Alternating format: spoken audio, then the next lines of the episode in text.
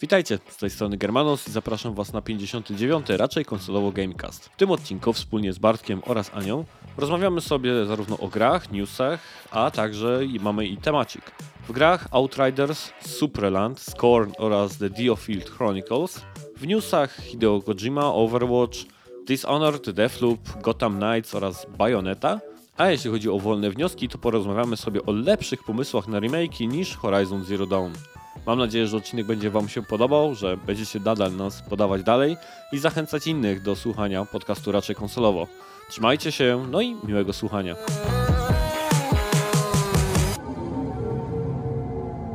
No to jesteśmy. 59. odcinek raczej konsolowo Gamecastu są ze mną tradycyjnie już Ania Dobry wieczór. oraz Bartłomiej. I ten koleś ukrywający się u Kojimy w tle, którego Tomek nie zobaczy jutro. Dobry wieczór.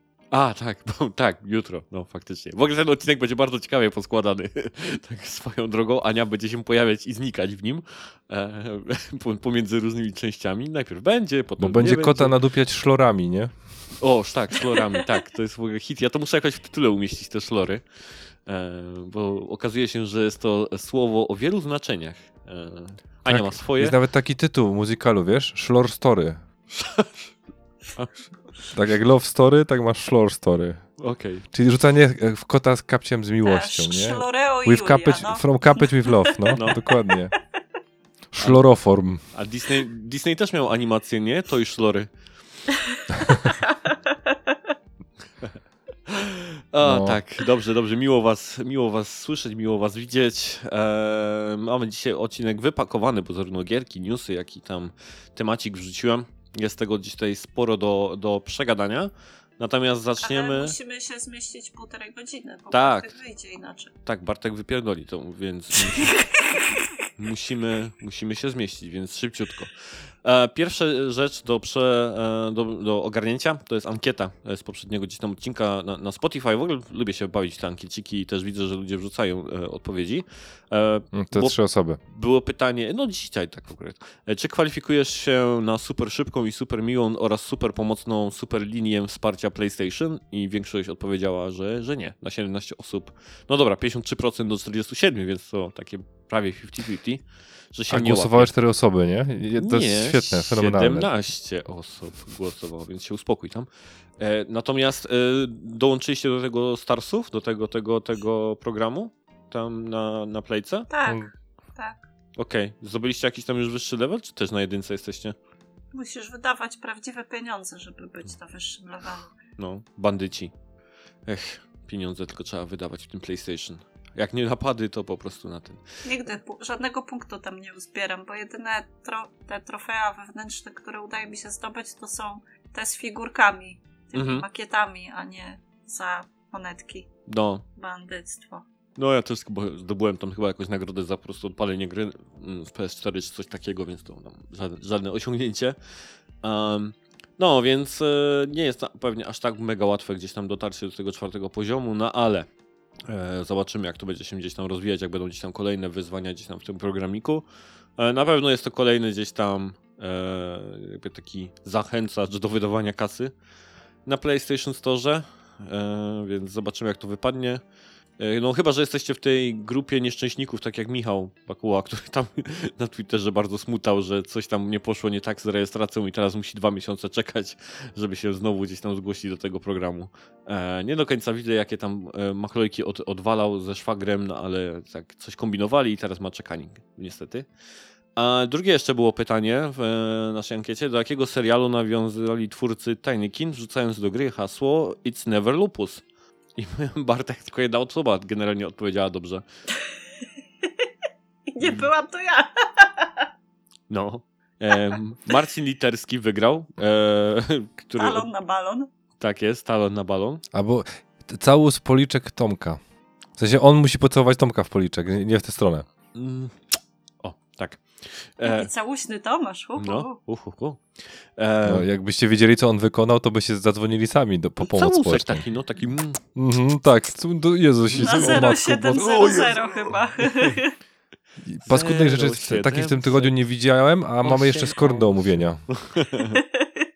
O, to przy skornie, jak będziecie opowiadać o skornie, to ja będę robił taki... Nie, dobra. Mm. E, Jeszcze możesz się ślinić do tego, jak xenomorf.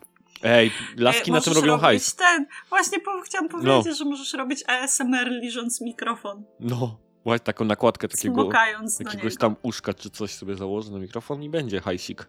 Nareszcie jakiś raczej konsolowo. Stary, ja ci zapłacę, żebyś tego nie robił. No. tak, tak, tak też się da. Um, y, Czyli natomiast OnlyFans Tomasza potwierdzony. takie już jutro. E, natomiast od e, Kemcze odpowiedział, że nie wie. To ty, ja bardzo dziękuję za tego rodzaju odpowiedzi też w ankiecie. To jest jednak to jest lepsza taka odpowiedź od zupełnej ciszy, nie? To zawsze też jest jednak e, bardzo pomocne, więc dziękujemy za to. I w duchu można powiedzieć zupełnej powagi i, i tak dalej. Cesario napisał do nas do rozgrzewki z pytaniami. Czy kupujecie dodatek do Destiny 2 Upadek Światła? Top 5 broni na PvP i PvE z podziałem na kategorie z Destiny 2. Najlepszy build według Was na PvP i PvE najlepiej z każdej klasy z Destiny 2. I najgorsze było w tym wszystkim to, że jak on to napisał na Twitterze, to ja momentalnie chciałem napisać do Bartka, kurwa, tylko nie bierz tego na poważnie i się nie przygotowuj do tego. And he did. And he did. I teraz Ej, no właśnie przepraszam, ch- zamieniamy się chciał w słuch. wiedzieć. Nie, no nie, powiedziałeś mi, że, mi- zwo- że mnie e, e, zwolnicie, e, jak to zrobię, a No. potem jak zacząłem to robić, to mi powiedziałeś, że w sumie pomyliłeś formę i że mnie wywalicie, ja- jak tego nie zrobię, więc ja już jestem skonfudowany, więc stwierdziłem, że Bartek, tfu, Tomasz nie potrzebuje powodu, żeby kogoś wywalić z podcastu, także wiesz. no, no teoretycznie nie, ale wiesz, ostatnio widziałem upadek światła, jak moja córka zrzuciła latarkę e, ze stołu i to, to w sumie to chcę kupić latarkę, więc mogę powiedzieć, że kupuję upadek światła, a dokładnie nowe światło, ale nie, mówiąc bardziej poważnie, to chyba jestem osobą, która już raczej od Des- do, do Destiny 2 żadnego dodatku nie kupi. E, tak mi się przynajmniej wydaje, z tego prostego powodu, że Tomek dalej się nie, nie daje przekonać, żeby wrócić do tego tytułu, a ja mam zbyt mało czasu, żeby go przekonywać i jeszcze grać, więc mogę tylko skupić się na jednej z tych dwóch rzeczy, więc I ja ci, przekonuję ja ci Tomka. przypominam, że my Darksidersów jeszcze nie graliśmy już chyba od dwóch tygodni, nie ruszyliśmy dalej kolejnego rozdziału. Nie, no od miesiąca. Już No od miesiąca, więc te nasze granie wspólne w cokolwiek wieczorami to jest co najmniej tak samo jak granie wspólne z Anią. Podobno kiedyś ktoś zagrał nią, z nią w coś i, No, i to jest jak, jak z przeżył. włączeniem jej kamery, nie? To dokładnie ten sam kasus, nie? Że e, wszyscy, ludzie, czy wyście widzieli Anię na żywo? Bo my dalej twierdzimy, że to jest jeden z najbardziej kaszkubsko wyszkolonych e, botów w historii game devu, nie? Że pod tym pse- pseudonimem, pseudonimem ukrywa się 27, e, o, nie wiem, pakerów i jeden Jestem kod o imieniu. Django. Jestem wokaloidem po prostu. Wokaloid. No, kaszuboidem jesteś, tak? Szuboidem. Albo szloroidem. Tak. Kasz, ka, kaszubotem. Ej, to jest dobry ten, jest, jest, masz, jak masz Artificial Intelligence, to będzie SI, Shlor Intelligence O. i wiesz, Szlorik. inteligencja sterowana kapciem. No, O? Ale jak ludzie, wiesz, nie słuchają nas z kaszub, to będą sobie teraz myśleć, co oni o tych laskach i dupach gadają ciągle, szlory. I siedzibba, i siedzibba główna w jakimś szałerku na wsi. No, dobra, ale Cezar Cezar... Szałerek, czekaj, to jest prysznic? A To jest drewutnia. Szałerek to jest drewutnia. O A- mój Boże, dlaczego Tak. my się teraz... Po śląsku jak to jest? Panie, będziemy gadać po jakimś... Kaszubski. Ba Anna bawi i uczy. Z tym, że nie. Z, z tym bawi to tak średnio, bo na, niczego nas jeszcze nie nauczyłaś. Zupełnie poważnie teraz, to e, przeczytałem te pytania gdzieś tam na początku, słuchajcie, i bardzo bym chciał, żebyście pomogli gdzieś tam tutaj Cezarowi na, na odpowiedzieć gdzieś na te pytania, więc jeżeli ktoś ze słuchaczy gra w Destiny, to jeszcze raz, top 5 broni, zarówno do PvP, jak do PvE, najlepsze buildy podzielone na klasy.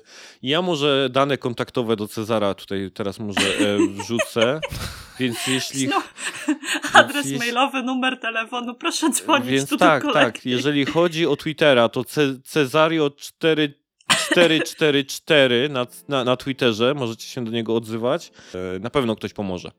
E, Wierzę w naszą gdzieś tam społeczność.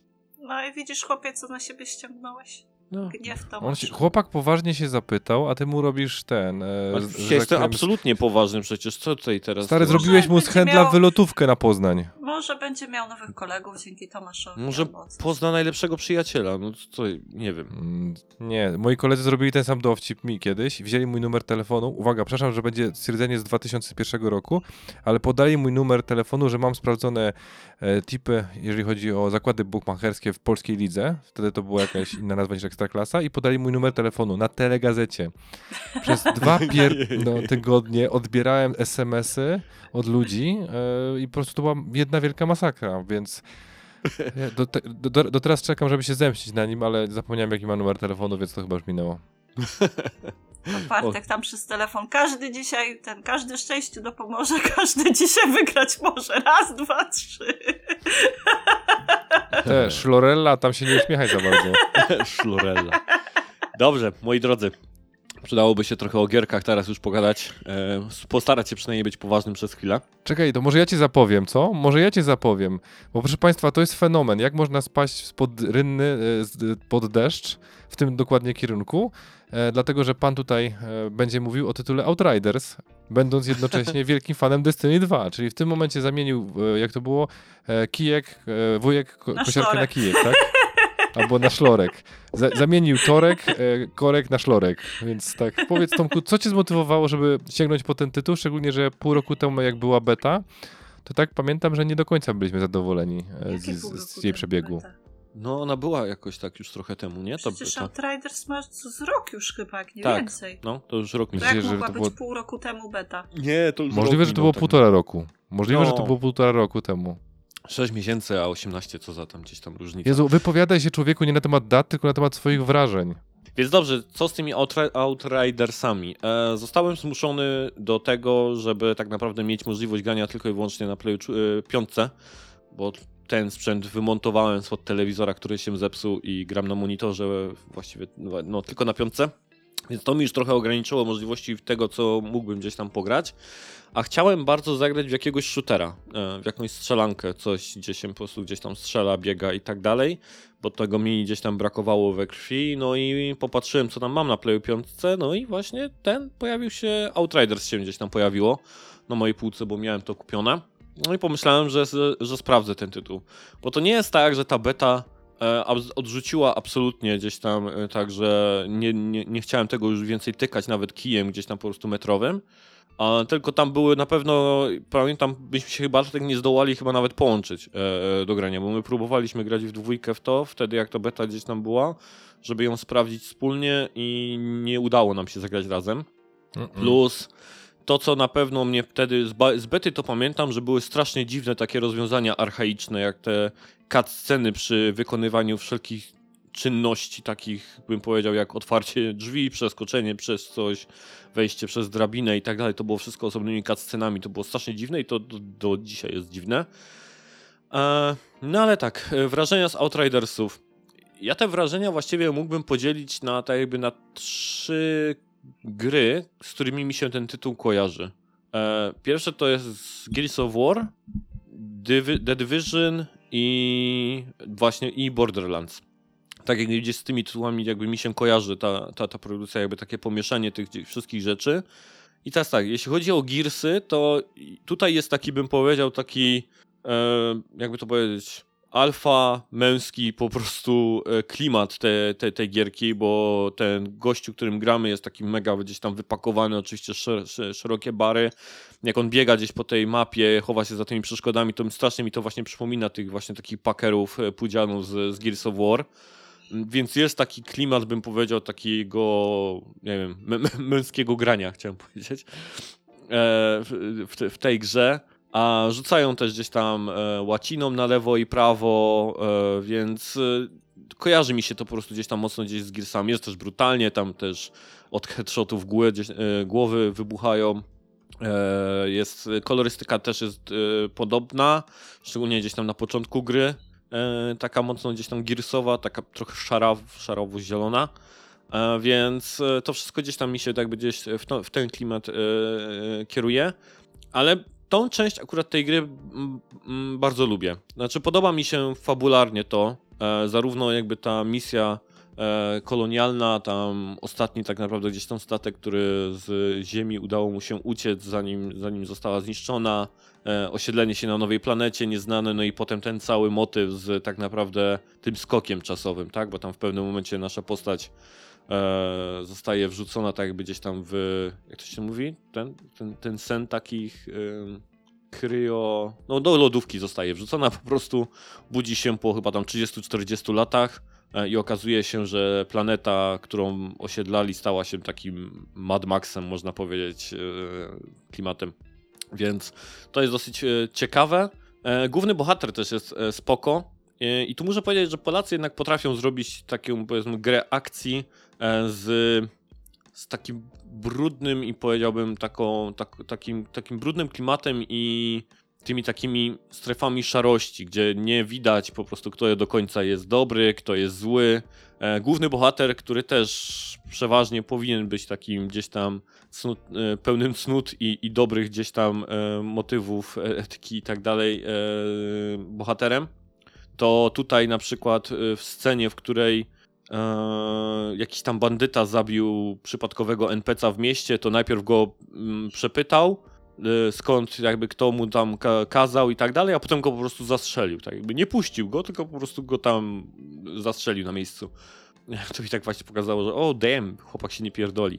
No i wie, takich gdzieś tam sytuacji jest więcej w grze, więc ten bohater główny jest taki, bym powiedział, e, pełen gdzieś tam tej skali zachowań, zarówno jakby tych dobrych i, i złych, i nie jest tak, że jest pełnym takim po prostu Supermanem i Kapitanem Ameryką. A więc to jest, to, to jest spoko. E, humor też jest całkiem, całkiem fajny. E, taki znowu, taki bro, bro humor, bro comedy e, humor w tej, w, tej, w tej grze występuje. Więc e, są i nawet polskie akcenty, bo tam trochę osób mówi po polsku. Gdzieś się tam idzie przez jakieś miasta i NPC po prostu do siebie nagle zaczynają na po polsku gdzieś tam mówić. Mimo tego, że gramy wersję angielską, to tam słychać gdzieś te głosy gdzieś w tle, to nawet jest śmieszne, czy się kurwami rzucają. Może to jakiś błąd jest po prostu. Myślisz, dialogi nie zaczytują. nie, znaczy może. Nie, Nie, zdziwi, zdziwiłabym się. nie zdziwiłbym się, bo ja nawet na Twitterze wrzuciłem dwa takie gdzieś tam krótkie filmiki, gdzie ta gra się e, zepsuła po prostu. Raz mi to pomogło, bo boss przestał się ruszać i mogłem go pokonać, więc to było, to było dosyć zabawne.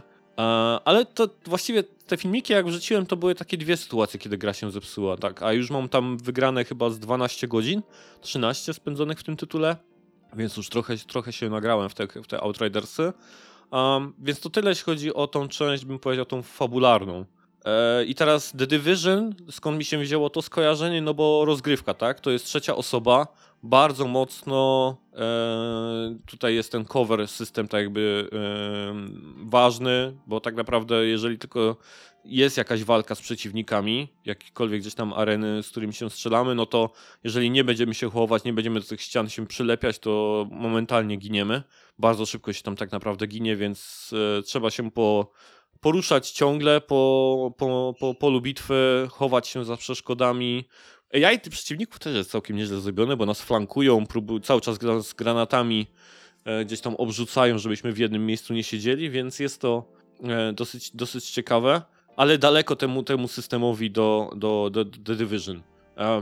Ja, The Division mi się kojarzy z takim, bym powiedział, jakby koronnym przykładem tego systemu gdzieś tam chowania się za przeszkodami, bo tam to po prostu super funkcjonowało. E, Nie zdarzało mi się, żeby postać robiła coś przez przypadek, żeby przez jedną jakąś tam przeszkodę przeskoczyła, przez do innej się przykleiła i wkurzało mnie to.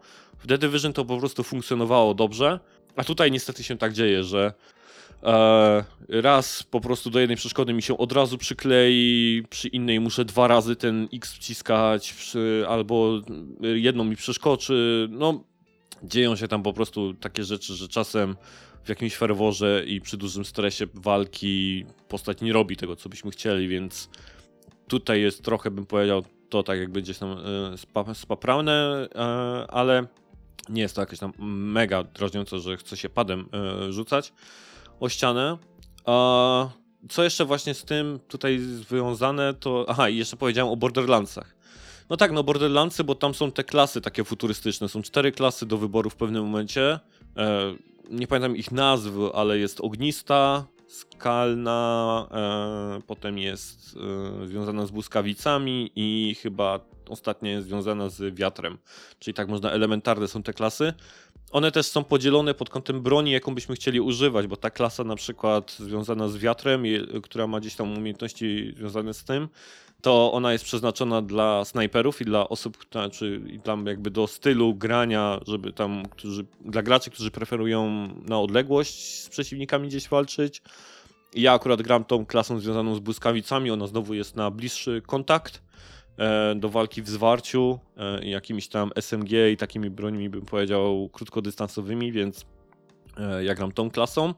E, I to jest bardzo fajny element, e, gdzie te, te moce i kolejne skille, które się odblokowuje, bardzo fajnie e, gdzieś tam pozwalają się poruszać po, po walce, po polu bitwy, przeskakiwać pomiędzy gdzieś tam bohaterami. Jak się już człowiek nauczy tych skilli, kiedy ich używać e, i, i jaki jest gdzieś tam timing, że na przykład jednego skilla najpierw za przeciwnikiem się pojawić, potem uruchomić jakieś tam spowolnienie czasu, e, co naładuje nasze życie, coś tam znowu wyskoczyć, więc jest to, jak się już człowiek opanuje te klasy, to naprawdę frajda jest z ich używania, więc to jest gdzieś tam taki element, który znowu jest spoko, więc ta gra, ta gra mi tak balansuje, tak jak za każdym razem jest coś takiego, co jest wkurzające, to, to za chwilę robi coś fajnego, e, w jednych elemencie działa naprawdę spoko, innym gdzieś tam trochę zgrzyta zębami, więc e, takie mam mieszane na razie uczucia, ale no bawię się nieźle. Nie powiedziałbym, żeby jakoś tam strasznie, strasznie się męczył. E, Choć gram też tak, że za każdym razem tam są, tam odblokowuje się tak jakby war tiry.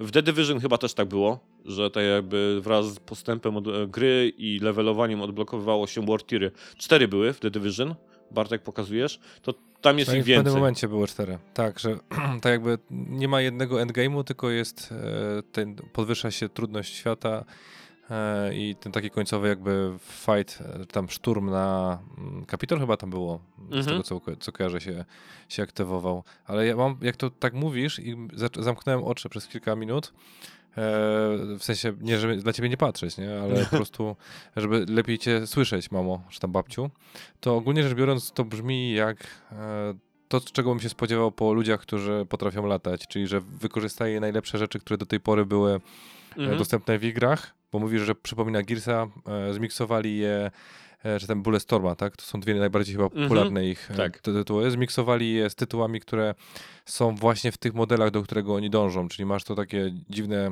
przeświadczenie, że grasz albo w Destiny, albo e, The Division, które, no nazwijmy rzecz po imieniu, są bardzo do, w tym e, pre, pre, tym, pierwszej klasy, tak? I długotrwałymi, dlatego Królują, że to się no, już tak, kilka, tak, kilka lat, to, biorąc pod uwagę ile Division jest na rynku, ile jedynka, dwójka, ile Destiny jedynka i dwójka jest na rynku, no to zadam ci głupie pytanie. No. Co tam jest unikalnego? Mm, W sensie dosłownie, co jest na tyle innowatorskiego, czego nie ma w innych grach, co jest jednocześnie pozytywem i wyróżnikiem tej gry, bo ja na razie, przepraszam, że tak się wtra- wtrącam w połowie twojej pewnie wypowiedzi, e, co, co jest tym system sellerem, tym game sellerem, co powoduje, że ta gra ma sens, bo nadal, popatrz, myśmy grali, ty grałeś zdecydowanie dłużej w Destiny 2, ja troszeczkę krócej, ale w momencie, w którym pojawia się endgame, w momencie, w którym trzeba dorzucać DLC, fabularne czy niefabularne, które coś podnoszą, coś wnoszą, żeby ludzi utrzymać przy tym tytule. Czy jest coś w tym tytule, które faktycznie mówi, że Tomku, nie wracaj do Destiny 2? Znaczy w sensie poza mną, który to mówi najprawdopodobniej, poza twoją żoną i e, milionem innych ludzi, którzy to, to mówią, ale czy ten tytuł w jakiś stopniu się tak sprzedaje?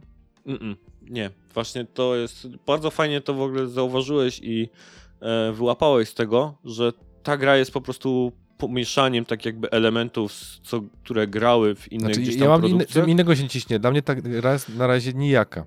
Przepraszam za stwierdzenie, bo e, gdyby nie fakt, że ty masz umiejętności opowiadania, narracji, e, to ktoś inny, który by to opisywał po faktach, to po prostu zrobiłby po prostu rzeźnie jeden do jednego i nie byłoby nic pięknego w tym tytule, ale Na pewno ta część związana fabularna, nie? E, I jakby te, te, ta historia, taka mocno science fiction i ten świat, który jest taki, bym powiedział, bardzo szary, bez tej tego takiej bardzo wyraźnej gdzieś tam tej dobrej i, i złej strony, bo tam nawet ta strona, po której my się tak jakby opowiadamy, e, grubo, która jest dobra, to ona teoretycznie jest e, tak nie do końca taka.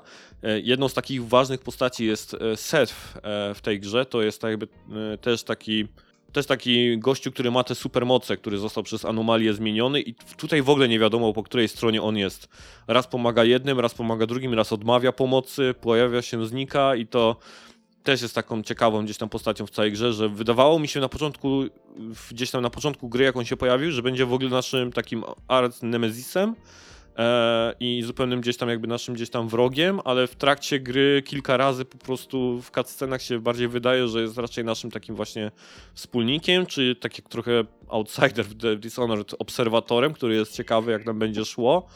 E, więc e, to jest na pewno coś takiego, bym powiedział, co, co wyróżnia, aczkolwiek to nie jest trudne, nie? Żeby napisać historię inną niż w innych grach.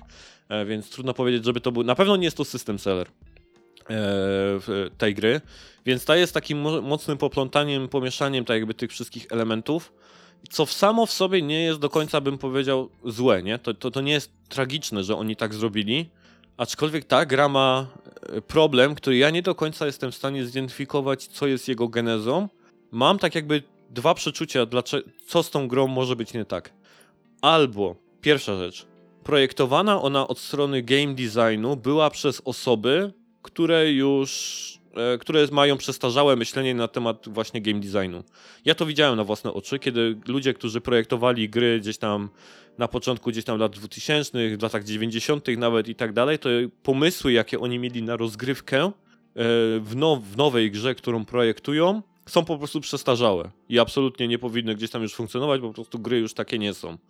To jest jedna, jedna sprawa, albo to się zadziało przy Outridersach, albo druga opcja jest moja taka, że oni zrobili tą grę na zasadzie tak jakby przelotu, zrobienia wszystkich elementów rozgrywki w wersji pierwszej i nie starczyło im kasy albo czasu, albo jednego i drugiego, żeby po prostu zacząć to poprawiać.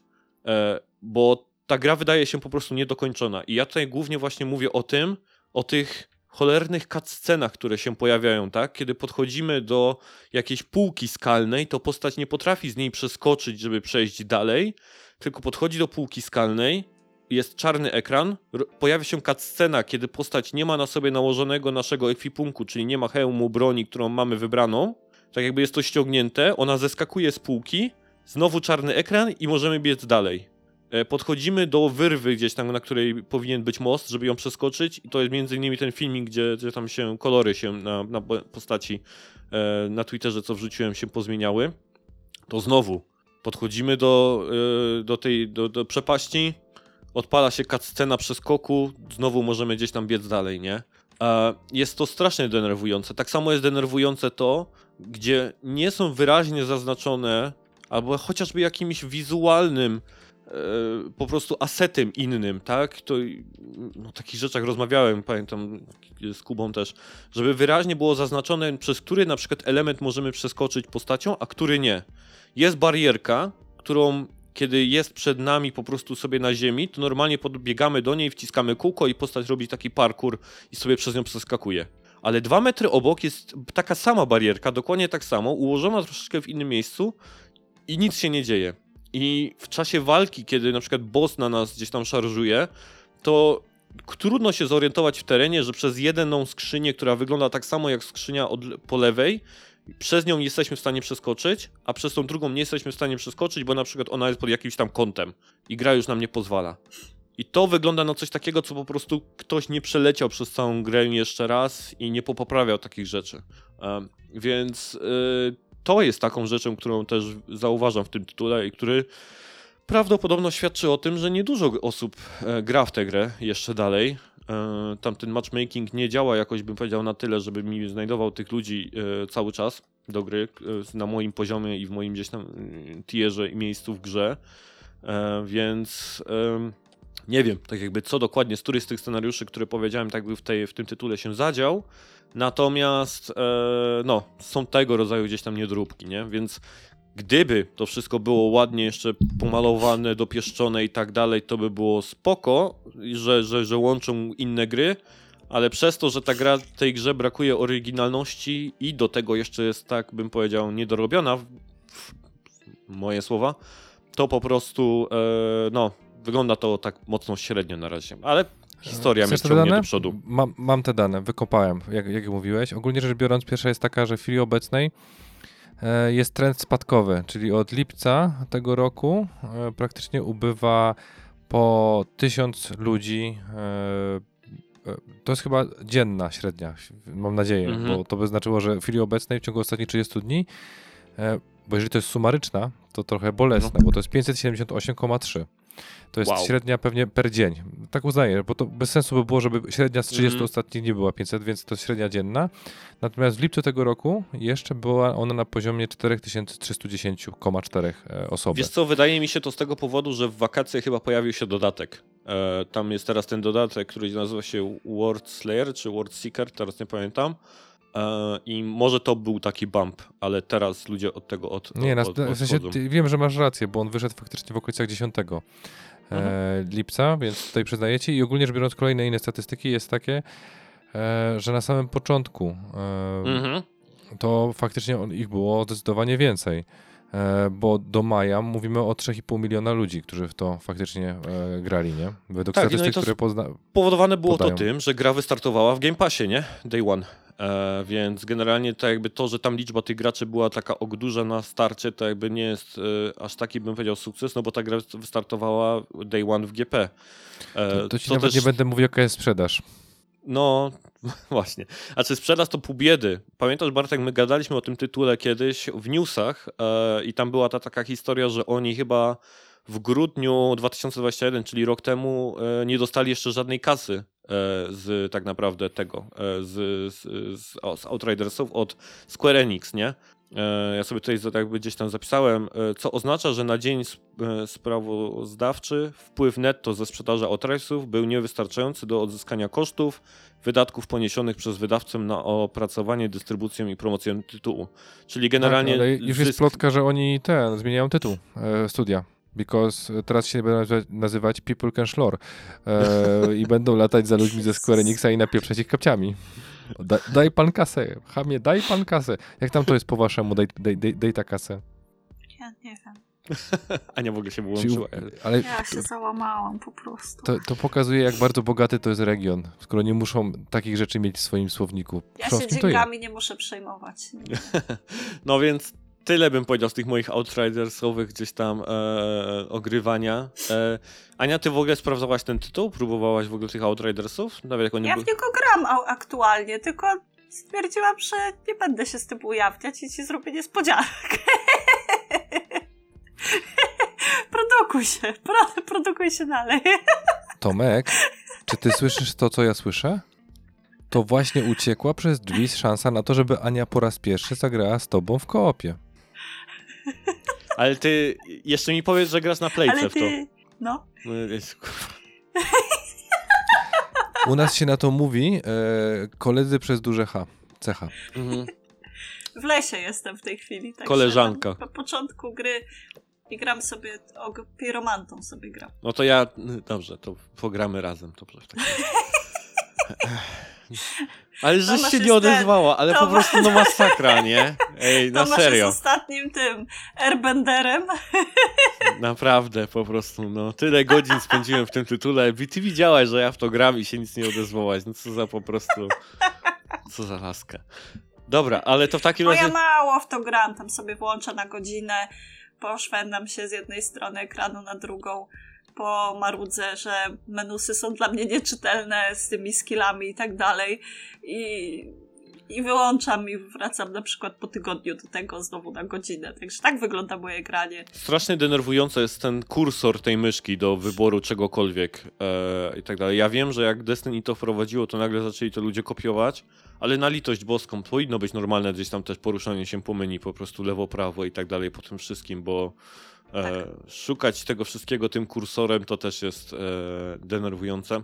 E, też nie do końca czaję ten, ten, tą, tą kustomizację tych przedmiotów w tym, bo tam generalnie jak się odblokuje wygląd jakiejś tam zbroi, to potem można go nałożyć na jakąkolwiek inną.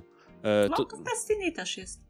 No właśnie, jest to w Destiny i pamiętam, to chyba też w Diablo było, nie? Tak chyba w Diablo 3 nie to się nawet nazywało jakoś tam, jakaś tam taka, taka postać była, NPC, który to robił.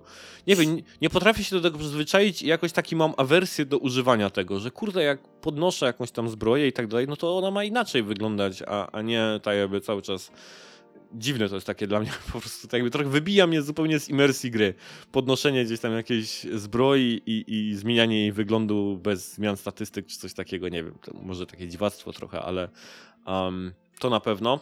Więc e, Ania, ty powiedziałeś, że rzeczy, które cię denerwują, to są te menu, menusy i tak dalej. A czy ty też no. zauważasz te takie niedoróbki, o których ja powiedziałem?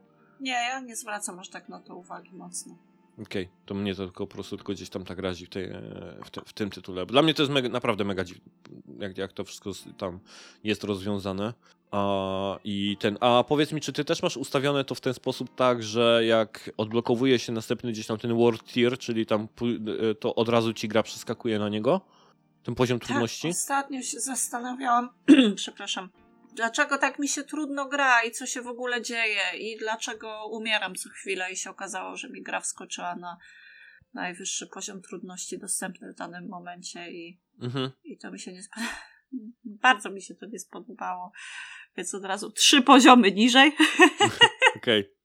No to ja jestem na chyba ósmym World czy na dziewiątym i, i teraz dopiero po prostu pojawiły się. Teraz jest tak trudno, że nie jestem w stanie przejść. Że ostatnio miałem takiego questa, gdzieś tam nawet głównego, którego próbowałem chyba z godzinkę e, kilka razy podejść i próbować i nie dałem rady, więc byłoby spoko, jakby to można było gdzieś tam w dwójkę e, ogarnąć. No ale to zobaczymy, może, może, może się uda. E, gdzieś tam pograć razem. No i to by było tyle e, z moich gdzieś tam e, Outridersów. Aha, no i ostatnia rzecz, już tylko tak na, naprawdę na sam koniec.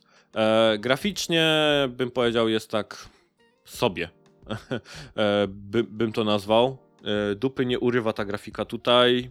Mm, trochę taki bym powiedział poziom PS4 to bym mocno bym O nie, straszne, poziom PS4. Jak żyć? Ej, słuchaj, jesteśmy w momencie, w którym ludzie bojkotują gry za brak FPS-ów, więc hello, nie? Jeszcze nie bojkotują, taki... to dopiero jutro będą bojkotować. A, dopiero jutro będą bojkotować, przepraszam. Tak I jutro, po piątek, premiery przecież są. No tak, no nie, ale... Ty, ty jeszcze nie wiesz, co jutro będzie, a my już wiemy. Tak, nie wiesz, o czym będziemy gadać przy newsach, a my już wiemy o czym... No dobrze, ale to tyle, jeśli chodzi o tych Outridersów, bo naprawdę długo.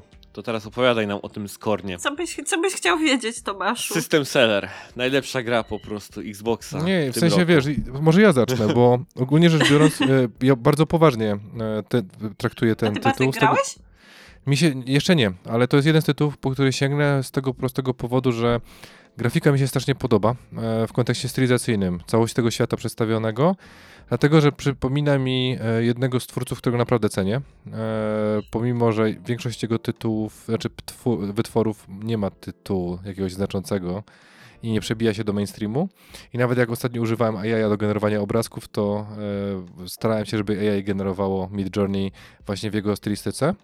Więc mnie tak de facto ciekawią dwie rzeczy. Po pierwsze, bo ten tytuł, jak oglądałem wstępy, czyli to jakieś tam trailery i tak dalej, to mi trochę pojawia takim czymś e, typu właśnie obcy, w rozumieniu czym powinien być obcy, czy też e, Prometeusz lub te najnowsze części, jeżeli został zrobiony by dobrze, czyli w znaczeniu takim, że nie taki do mainstreamu, ale jednak e, pozostawiający takie obrzydzenie, czy pozostawiający taki troszeczkę niesmak, ale jednocześnie E, liczę na to, że poza tymi takimi elementami zauważalnymi jest jakaś forma historii, która tam się ukrywa, e, po, dzięki której faktycznie po ten tytuł będzie warto sięgnąć. I że to nie jest taki tani horror, e, wiesz, który jumpscarami czy obrzydliwością praktycznie stara się zwojować, że jest tam coś jeszcze więcej. Dlatego to jest jakby, to mnie ciekawi, co tam jest z tego, co, co ja bym chciał znaleźć. To ja nawet nie wiem, od czego mam zacząć. bo to jest naprawdę bardzo, bardzo skomplikowana sytuacja z tym Skordem. Ja robiłam mhm. naprawdę wszystko, żeby tę grę skończyć. Żeby ją przejść do podcastu, żeby mogła opowiedzieć, znaczy może nawet nie opowiedzieć o zakończeniu, ale mieć po prostu ogląd na całość, bo ta gra się e, powiedzmy z każdym kolejnym rozdziałem troszeczkę zmienia. E, szczerze mówiąc, czuję się mo mocno oszukana, bo myślałam, że będzie to gra polegająca na rozwiązywaniu zagadek, Mhm. a nie sp- spieprzaniu przed potworami tylko dlatego, że ktoś to źle zaprojektował i nie da się walczyć normalnie w tej grze. Bo ktoś to źle zaprojektował, bo postać ani nie potrafi skakać, ani robić uników, ani szybko biegać. Czekaj, ale Tak. y, y, jedną rzecz tylko. A powinno się umieć walczyć? Czy to jest, wiesz, po prostu zaprojektowane, żeby nie chcieć walczyć? Czy to jest celowe? Jeżeli gra daje ci broń, daje ci amunicję do tej Mhm. broni, to wszystko powinno ze sobą współgrać. A nie, że ja biegam dookoła filara, bo skończył mi się magazynek w broni i nie mogę nigdzie dalej znaleźć nowego magazynku, bo magazynki są tylko w określonych miejscach, w rozdziałach. Mhm. Biegam dookoła filara z drugą bronią, która jest. Ja nawet nie wiem, jak to nazwać. Jest dziwna, po prostu, jak wszystkie rzeczy w tej grze. No właśnie. I z tej, z tej pierwszej broni, którą zdobywamy, można zadać potworowi obrażenia dwa razy, po czym trzeba poczekać, aż ona się przeładuje. Y, ale ona nie strzela, tylko wysuwa się z niej taka. Ta gra jest, ta gra jest bardzo faliczna, że Mhm. tak powiem. Czekaj, to chcesz powiedzieć, że jest chujowa, czy... Nie, po prostu wszędzie, gdzie się tylko da, widać tę stylistykę Geigerową, widać te nawiązania. Znaczy, to przede wszystkim Geiger, tak? Te faliczne elementy, jakieś takie Mhm. e, łączenie tych, tych elementów mechanicznych z, z żywym ciałem. E, bo to, że ona nawiązuje do Beksińskiego, to jest jedno, ale przede wszystkim czerpie najbardziej z Geigera. I Mhm. wszędzie te faliczne motywy się przejawiają. Chociażby w tej broni, która, z którą musisz podejść tuż do przeciwnika, do jego pyska, żeby nią trafić. I Mhm. jeszcze najczęściej nie trafiasz, bo przeciwnicy mogą w ciebie strzelać z dystansu. Ty do trzeciego aktu nie możesz tego robić, bo masz tylko tę dziś śmieszną, wysuwaną broń, która zadaje znikome obrażenia. Więc najczęściej już w pewnym momencie byłam tak poirytowana, że stwierdziłam, walić tę walkę, będę po prostu próbowała przebiegać przez te lokacje. Ze skutkiem marnym najczęściej, bo yy, okazywało się, że te małe pierdolniki za mną biegną i nie mogę nawet rozwiązać zagadki, bo mnie dojeżdżają. Yy, skończyło się śmiercią bohatera, bo ży, ży, odnawianie życia też jest, powiedzmy, e, dość ograniczone. Też tylko w określonych punktach sobie możesz zebrać te, te takie grona, które ci odnawiają życie. Mhm. E, dokończyło się śmiercią bohatera i cofnięciem do, sej- do, do miejsca zapisu, którego nawet nie byłam w stanie przewidzieć, bo nie można go było wczytać z głównego menu, tylko liczyć na szczęście, że nie wywali cię za daleko po śmierci. Mhm. I powtarzałam na przykład 10-minutowy fragment, tak? Całą, cały po prostu bieg, zagadkę, powrót z tej zagadki, coś tam jeszcze. Yy, a potem się okazywało, że za rogiem pokazywał, po, pokazywały się kolejne jakieś fale potworów. I ja nie wiem, kto to projektował. Postać biegnie ze średnią szybkością. Tak jak mówiłam, nie może skakać, nie Mhm. może robić uników. E, wszystkie zasoby są bardzo, bardzo ograniczone. E, I nic nie jest powiedziane wprost w tej grze. Nie ma żadnego samouczka, e, nie ma żadnej narracji takiej tekstowej, co powinieneś zrobić, czemu to wszystko służy. I spoko, bo ja przez pewien moment się nastawiałam, że to będzie coś w rodzaju, nie wiem, mysta, Mhm. nastawiony tylko i wyłącznie na zagadki i uważam, że gdyby to było tylko i wyłącznie nastawione na zagadki, to może by to miało jakiś sens. Bo Mhm. przez pierwsze, choć zupełnie szczerze mówiąc, yy, gdybym w pewnym momencie nie otworzyła sobie poradnika, to bym chyba sczezła w tej grze, bo nie wiemy dlaczego mamy coś robić, po co mamy coś robić. Yy, puzzle wydają się być na pierwszy rzut oka zupełnie randomowe i Też nic nie jest podświetlone i tak dalej, nie? Nie ma żadnych takich e, rzeczy wizualnych e, za bardzo w grze, mm, czytałem. tam są stacje najczęściej takie dokujące, powiedzmy, w które nasza postać wkłada łapy i na przykład e, ustawia wtedy klucz, zdobywa kolejne klucze do, do dalszych miejscówek, odnawia sobie życie, e, czy zdobywa amunicję, bawi się jakimiś tam środowiskowymi rzeczami. E, ale można to pominąć, bo to faktycznie nie jest podświetlone z daleka, tylko dopiero jak podejdziesz do takiej stacji, jak już się nauczysz, że to jest taka tego typu stacja, to będziesz wypatrywał tych elementów. No ale na początku nie wiesz co robić, gdzie iść, bo nie ma mapy, więc błądzisz też po tych wszystkich korytarzach. Licząc na to, że cię nic nie zeżre po drodze, że ci nie wyskoczy żadne małe gówno strzelające kwasem. I do końca drugiego rozdziału nie ma żadnych przeciwników. Wchodzisz w trzeci rozdział i nagle się okazuje, że musisz uskuteczniać slalom wokół Mhm. zgrai potworów, które są bardzo wytrzymałe. Bardzo. Y, Mi się udało przez ten trzeci rozdział przebrnąć. Weszłam do czwartego. Miałam nawet za dość dużo życia zachowanego i broni, w sensie magazynku. Y, I weszłam w jeden korytarz i patrzę, a, jeden potworek. No to go zas- zastrzeliłam, bo myślałam, że nic mi się więcej nie pojawi. Pojawiły się kolejne cztery, które zaczęły na mnie iść i stwierdziłam, że wtedy, że już nam się po prostu zabić Mhm. i, i to będzie koniec mojego grania na ten dzień, bo no nie zdzierżyłam, już, już było za dużo. Po prostu... I cała ta, cała ta piękna otoczka, jeszcze piękna, y, to wizualnie wygląda y, cudzysłowiu. przepięknie. W cudzysłowie, dokładnie. Bo tam się wszędzie wylewają jakieś martwe ciała, jakieś ofiary dziwnych eksperymentów, hybrydy człowieka z Bóg wie czym, y, jakieś, y, nie wiem, widoczne bijące organy, y, mnóstwo takich falicznych rzeczy.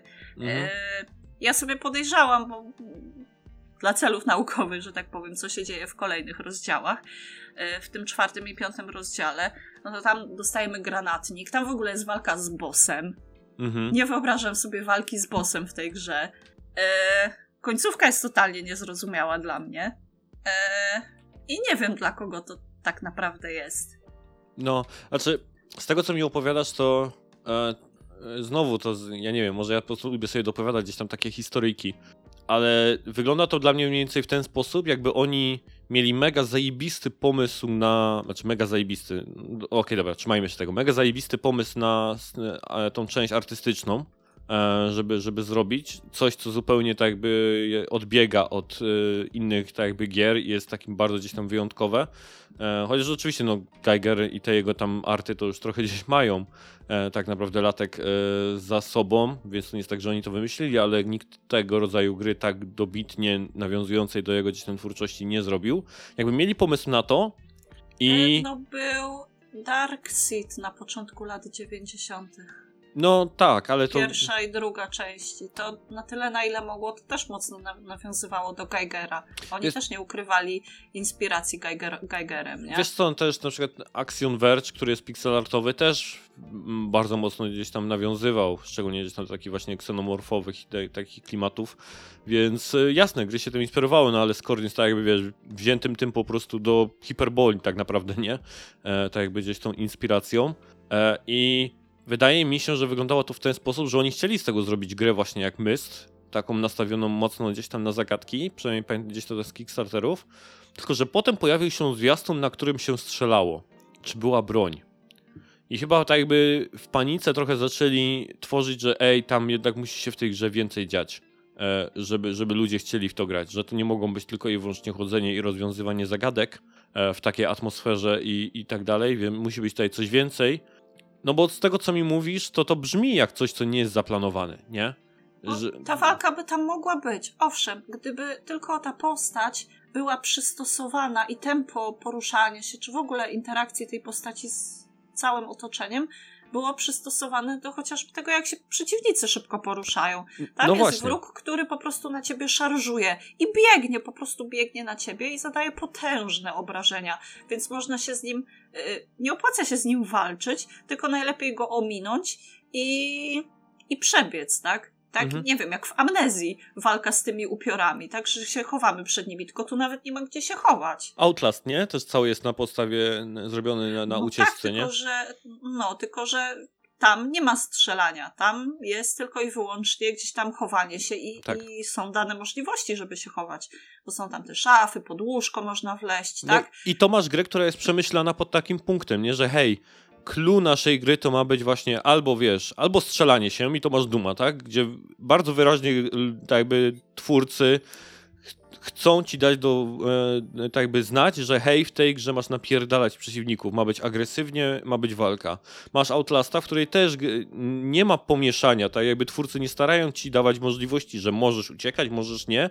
Nie jest, Outlast jest skonstruowany w ten sposób, że masz się chować i masz uciekać i to jest jedyny sposób na, na rozgrywkę.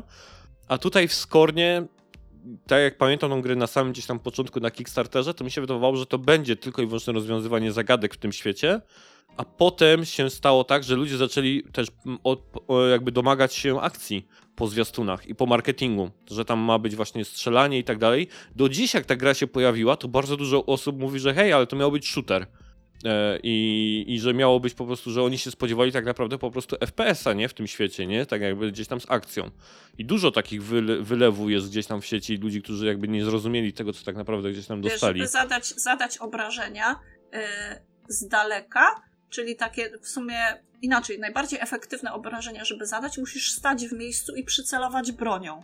I w momencie, kiedy nawet przeciwnik nie dobiega do ciebie, to on i tak stoi daleko i pluje w ciebie kwasem. I tak ci zadaje obrażenia.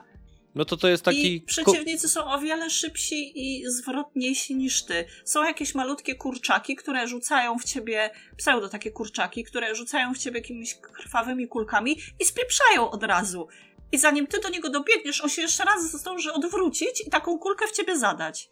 No i to masz tak jakby game designowo masz po prostu wzajemnie wykluczające się elementy, nie? Tak naprawdę można powiedzieć, e, które właśnie nie powinny gdzieś tam jakby być wrzucone gdzieś tam w jeden tytuł. Mi się tutaj przypomniało, że Bruczewski w sumie do nas też napisał odnośnie Skorna, ale ty chyba do tego się już odniosłeś, Ania. Bo Bruczewski tutaj zadał pytanie, czy, czy podobno kiepskie rozstawienie checkpointów Skorn rzeczywiście utrudnia życie i może stanowić przeszkodę w poznaniu gry. Ty chyba o tym wspominałaś, nie? O tym, że ma liczyć tak, na to, że tak, cię nie cofnie. Nie, nie wiem, w którym momencie y, postać mi, mi się zrespawnuje, bo nawet jak kliknę opcję wczytaj, to nie wiem, y, pokazał mi się, chciałam wczytać po prostu grę, tak? To pokazał mi się save, miałam do wyboru, że albo tam kontynuuj, albo wczytaj.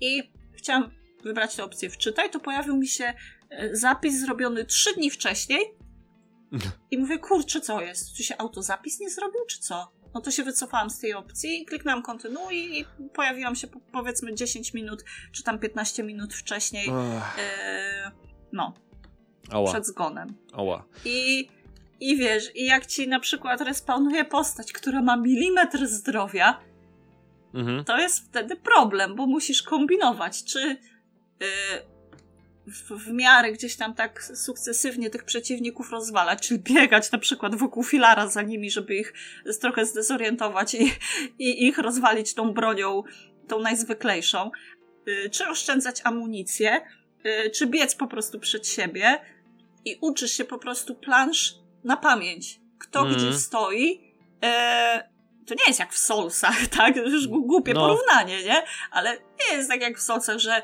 ogarniasz kto gdzie stoi, żeby, żeby się bronić, tylko ogarniasz kto gdzie stoi, żeby szybciej po prostu spierdzielić stamtąd. Mhm. No, a przy tym, no. Przy, a przy tym tak na serio nie biegasz. A... I, i no, no, ta postać no biegnie, tylko że w takim po prostu dziwnym tempie, że, że lepiej nie mówić. W ogóle też miałam taką akcję, że weszłam do pomieszczenia, w którym po jednej stronie była amunicja, a po drugiej była broń dopiero, którą mogłam pozyskać, żeby tę amunicję e, załadować. W sensie, no, e, nie miałam wcześniej tej broni strzelającej, tak? To tam ona była dopiero rozstawiona. I nie wiedziałam o tym, co, które miejsce robię, więc najpierw wzięłam amunicję, Potem wzięłam broń i się okazało, że nie mam tej amunicji. Mhm. I nie mogłam jej pobrać drugi raz i się okazało, że mam pustą broń. Zespawnowało mi się trzech przeciwników. Miałam pustą broń, bez amunicji. I dałam się po prostu zabić, żeby jeszcze raz po prostu to zrobić. Najpierw pobrać broń, a potem dopiero po Bożemu pobrać amunicję do tej broni. Okej. Okay. No, 71 na Metacritic, ja bym powiedział. Bo ta gra jest, jest ładnie zrobiona. To jak ktoś lubi taką estetykę, y, to będzie zachwycony. Tylko co z tego, jak to jest ładne opakowanie z brzydką zawartością?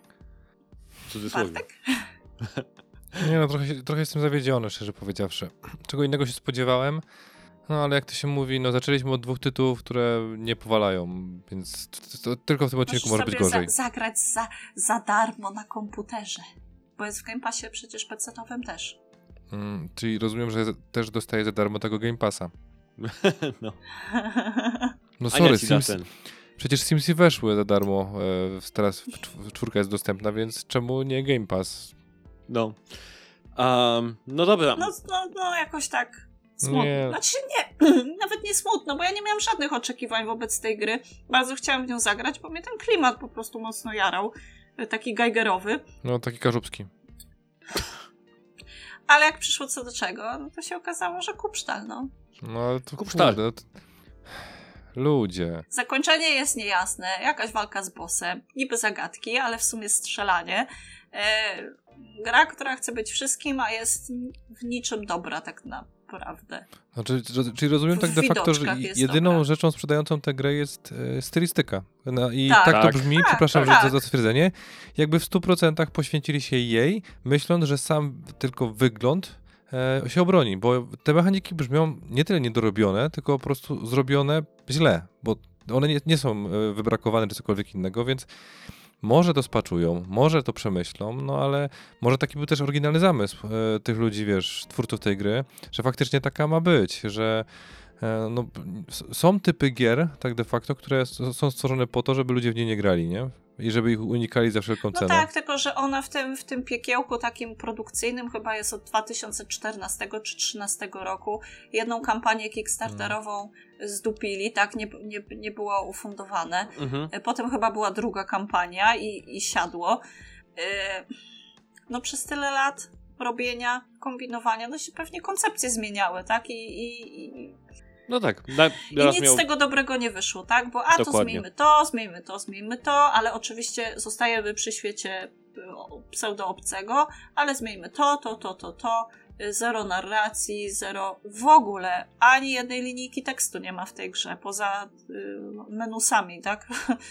I, I tu się właśnie gryzie tak naprawdę właśnie e, tak jakby te, te dwa światy, że z jednej strony no, ge, game design ma swoje jakieś, bym powiedział, takie wytyczne, tak? Że jednak... Wiadomo, że no, są gry, dość, które są doświadczeniami, tak?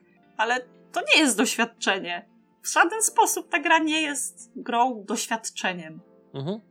Dokładnie tak, wiesz, bo nawet em, Journey też nie miało żadnej linii tekstu, ani słowa i tak dalej, ale mimo tego doskonale wiedziałaś, co trzeba zrobić w danym momencie, tak? Bo gra cię prowadziła wizualnie i zaznaczała gdzieś tam pewne Mhm. elementy i było można gdzieś tam jakby gdzieś tam to wszystko złapać, nie? E, I właśnie, no tego zabrakło tutaj, tak? Że tam był po prostu y, Genova Chen, tak? Ten gościu, z, który tworzył Journey, który miał naprawdę web do game designu e, i ma po dziś dzień. No a tutaj widocznie studio z Serbii, który to jest chyba gdzieś tam pierwsza w ogóle gra ich, to no tutaj jakby nie zadziałało to zbyt dobrze, więc ja, znaczy ja i tak nie planowałem zagrać w tego Skorna, bo mnie ta estetyka absolutnie zupełnie No, odrzuca. nie masz możliwości, bo możesz albo na PC, albo na Xboxie. Ale nawet jakbym, wiesz, dostał co, wszystko za darmo, i PC, i Xboxa i tak dalej, to bym w to nie zagrał, bo mnie ta estetyka absolutnie odrzuca. Gry typu Outlast, e, Soma i tak dalej, to zupełnie nie jest Tam gdzieś tam mój jakieś są klimat. porody, jakieś rozrywanie macic w ogóle w tych kolejnych aktach. No, Jesus, po prostu... jakieś gify widziałem, to po prostu zupełnie nie chciałem tak jakby tego nawet patrzeć, No więc... taki body horror trochę, taki Hellraiser, coś w tym No, stylu. dokładnie, Hellraiser i ten Cronenberg, nie? I ten jego, tak, tak, jakby tak, filmy tak, jego. tak, to, to, tak. to jest dokładnie to, co ja mnie absolutnie odrzuca i nie chcę oglądać, więc e, nie No, planowałem ale wiesz- grać, ale Mm, Nawet- Dżemik. Nawet kino klasy B zrobione dobrze, czy klasy C zrobione dobrze, ze smakiem, w sensie, dobra, przepraszam za stwierdzenie ze smakiem w przypadku tego ty- tytułu, o których mówiliśmy, ma sens oglądać, bo coś z niego wynika, nie? Coś można faktycznie przeżyć, ale tutaj jedyne co trzeba przeżyć to wyłączenie konsoli, czy tam peceta, z czego co słyszę, bo szkoda czasu. I jedyne, no, szapoba, że doszłaś do tego stopnia, e, w sumie poświęciłaś się dlatego, żeby zrobić to pod kątem recenzji, nie? Bo to, to jest chyba twój główny motywator, żeby e, nie skończyć grę, bo lubisz, tylko dla tak, was. dokładnie, Bo ludzie. Ja chciałam w to zagrać i to jest też ta moja bolączka, że ja nie lubię porzucać gier i staram się naprawdę nawet największe kupsztale, jak już zacznę przechodzić do końca i pewnie jeszcze poczynię kilka kilka prób tutaj, żeby się z, tą, z tym tytułem przemęczyć, yy, ale No, będzie No, taki podcast o za- nazwie Ania się męczy. I na dzień dobry było Outriders Ania męczy, nie, to potem jest, Scorn nie, Anię to męczy. jest mój ulubiony hashtag z Twittera, płakałam, gdy grałam. Mhm, jest Hmm. taki. No. Dobrze, to teraz zmienimy zupełnie klimat, jeśli chodzi o gry, bo ty zagrałeś coś mega dziwnego, e, co, a, o czym nie miałem zupełnie Czekaj, pojęcia. stop, stop, stop, stop, stop, stop. Serio? Po Skornie mega dziwnego to jest coś, co ci przychodzi do głowy? Tak, tak, bo Supraland to dla mnie był zupełną zagadką tak naprawdę ten tytuł. W ogóle 85 na Metacriticu zdobył. E, gra robiona przez Niemców. E, to, to w ogóle się dziwię, że grasz w to Bartek e, i dotknąłeś. E, i, Dotknąłeś Niemca. Aj! I że o reparacjach się gdzieś tam nie plujesz, grając w to, co się tam co krzyczysz cały czas o nich e, do, do ekranu. Już, już mi się nie należą, bo już jestem powyżej 5 godzin gry. No o, widzisz, no, widzisz, minęło już tak jakby ten slot na to. Mhm. E, więc ja sobie zobaczyłem zwiastun i wyglądało to nawet spoko. Więc e, tu ja się ciebie zapytam tak jak ty mnie zapytałeś przy Outridersach. Mhm. Co ciebie zmotywowało do tego tytułu? Znaczy zmienię twoją formę pytania i kto? E, mój Aha. specjalista do spraw indyków, minister e, Strong, e, powiedział, że po prostu zagraj się w to, na pewno ci się spodoba, skoro podobał ci się Tiny Kin. E, stwierdziłem, że z brak, znaczy nie tyle z braku laku, ale moje zaufanie co do jego rad po prostu z każdym odcinkiem podcastu raczej konsolowo wzrasta, więc po prostu bez jakiegokolwiek wahania ściągnąłem. Jestem bardzo pozytywnie zaskoczony po raz kolejny, bo e, kurde, no nie wiem nawet o czym tutaj mówisz, więc zacznę od bardzo podstawowych elementów, czyli e, jest to gra, która e, widać, że ma pewne niedociągnięcia, bo na przykład niedociągnięciem technicznym jest to, że na przykład Michałowi e, save wciągnął cztery razy, mi już raz, e, że trzeba wtedy tę grę praktycznie od zera zaczynać, bo nie ma save'u. Wow, no to tak, rzeczywiście. więc tak zwana rada, którą mi potem wrzucił, to jest to, żeby usypiać konsolę, nie wyłączać, a jak już wyłączacie, to zróbcie tak, żeby nie synchronizowało wam zawsze automatycznie save'ów e, na tym, na PlayStation i po prostu synchronizujcie je wtedy, kiedy macie 100% pewność, że zamknęliście grę i że save tam jest, czyli że save jest widoczny w menu, ale to jest pewnie wersja 1.03, więc taki, taki hint, który na chwilę obecną po prostu funkcjonuje. Jakby ktoś potrzebował rady, to od tego zacznę, dlatego że e, wszystko, co o tej pory powiem, już będzie pozytywne, bo po pierwsze, jest to gra, która nie jest grą oczywistą. Jest e, teoretycznie, jak, jakbym tak miał powiedzieć, jaki to, jaki to jest typ gry, Gatunek. to miałbym problem.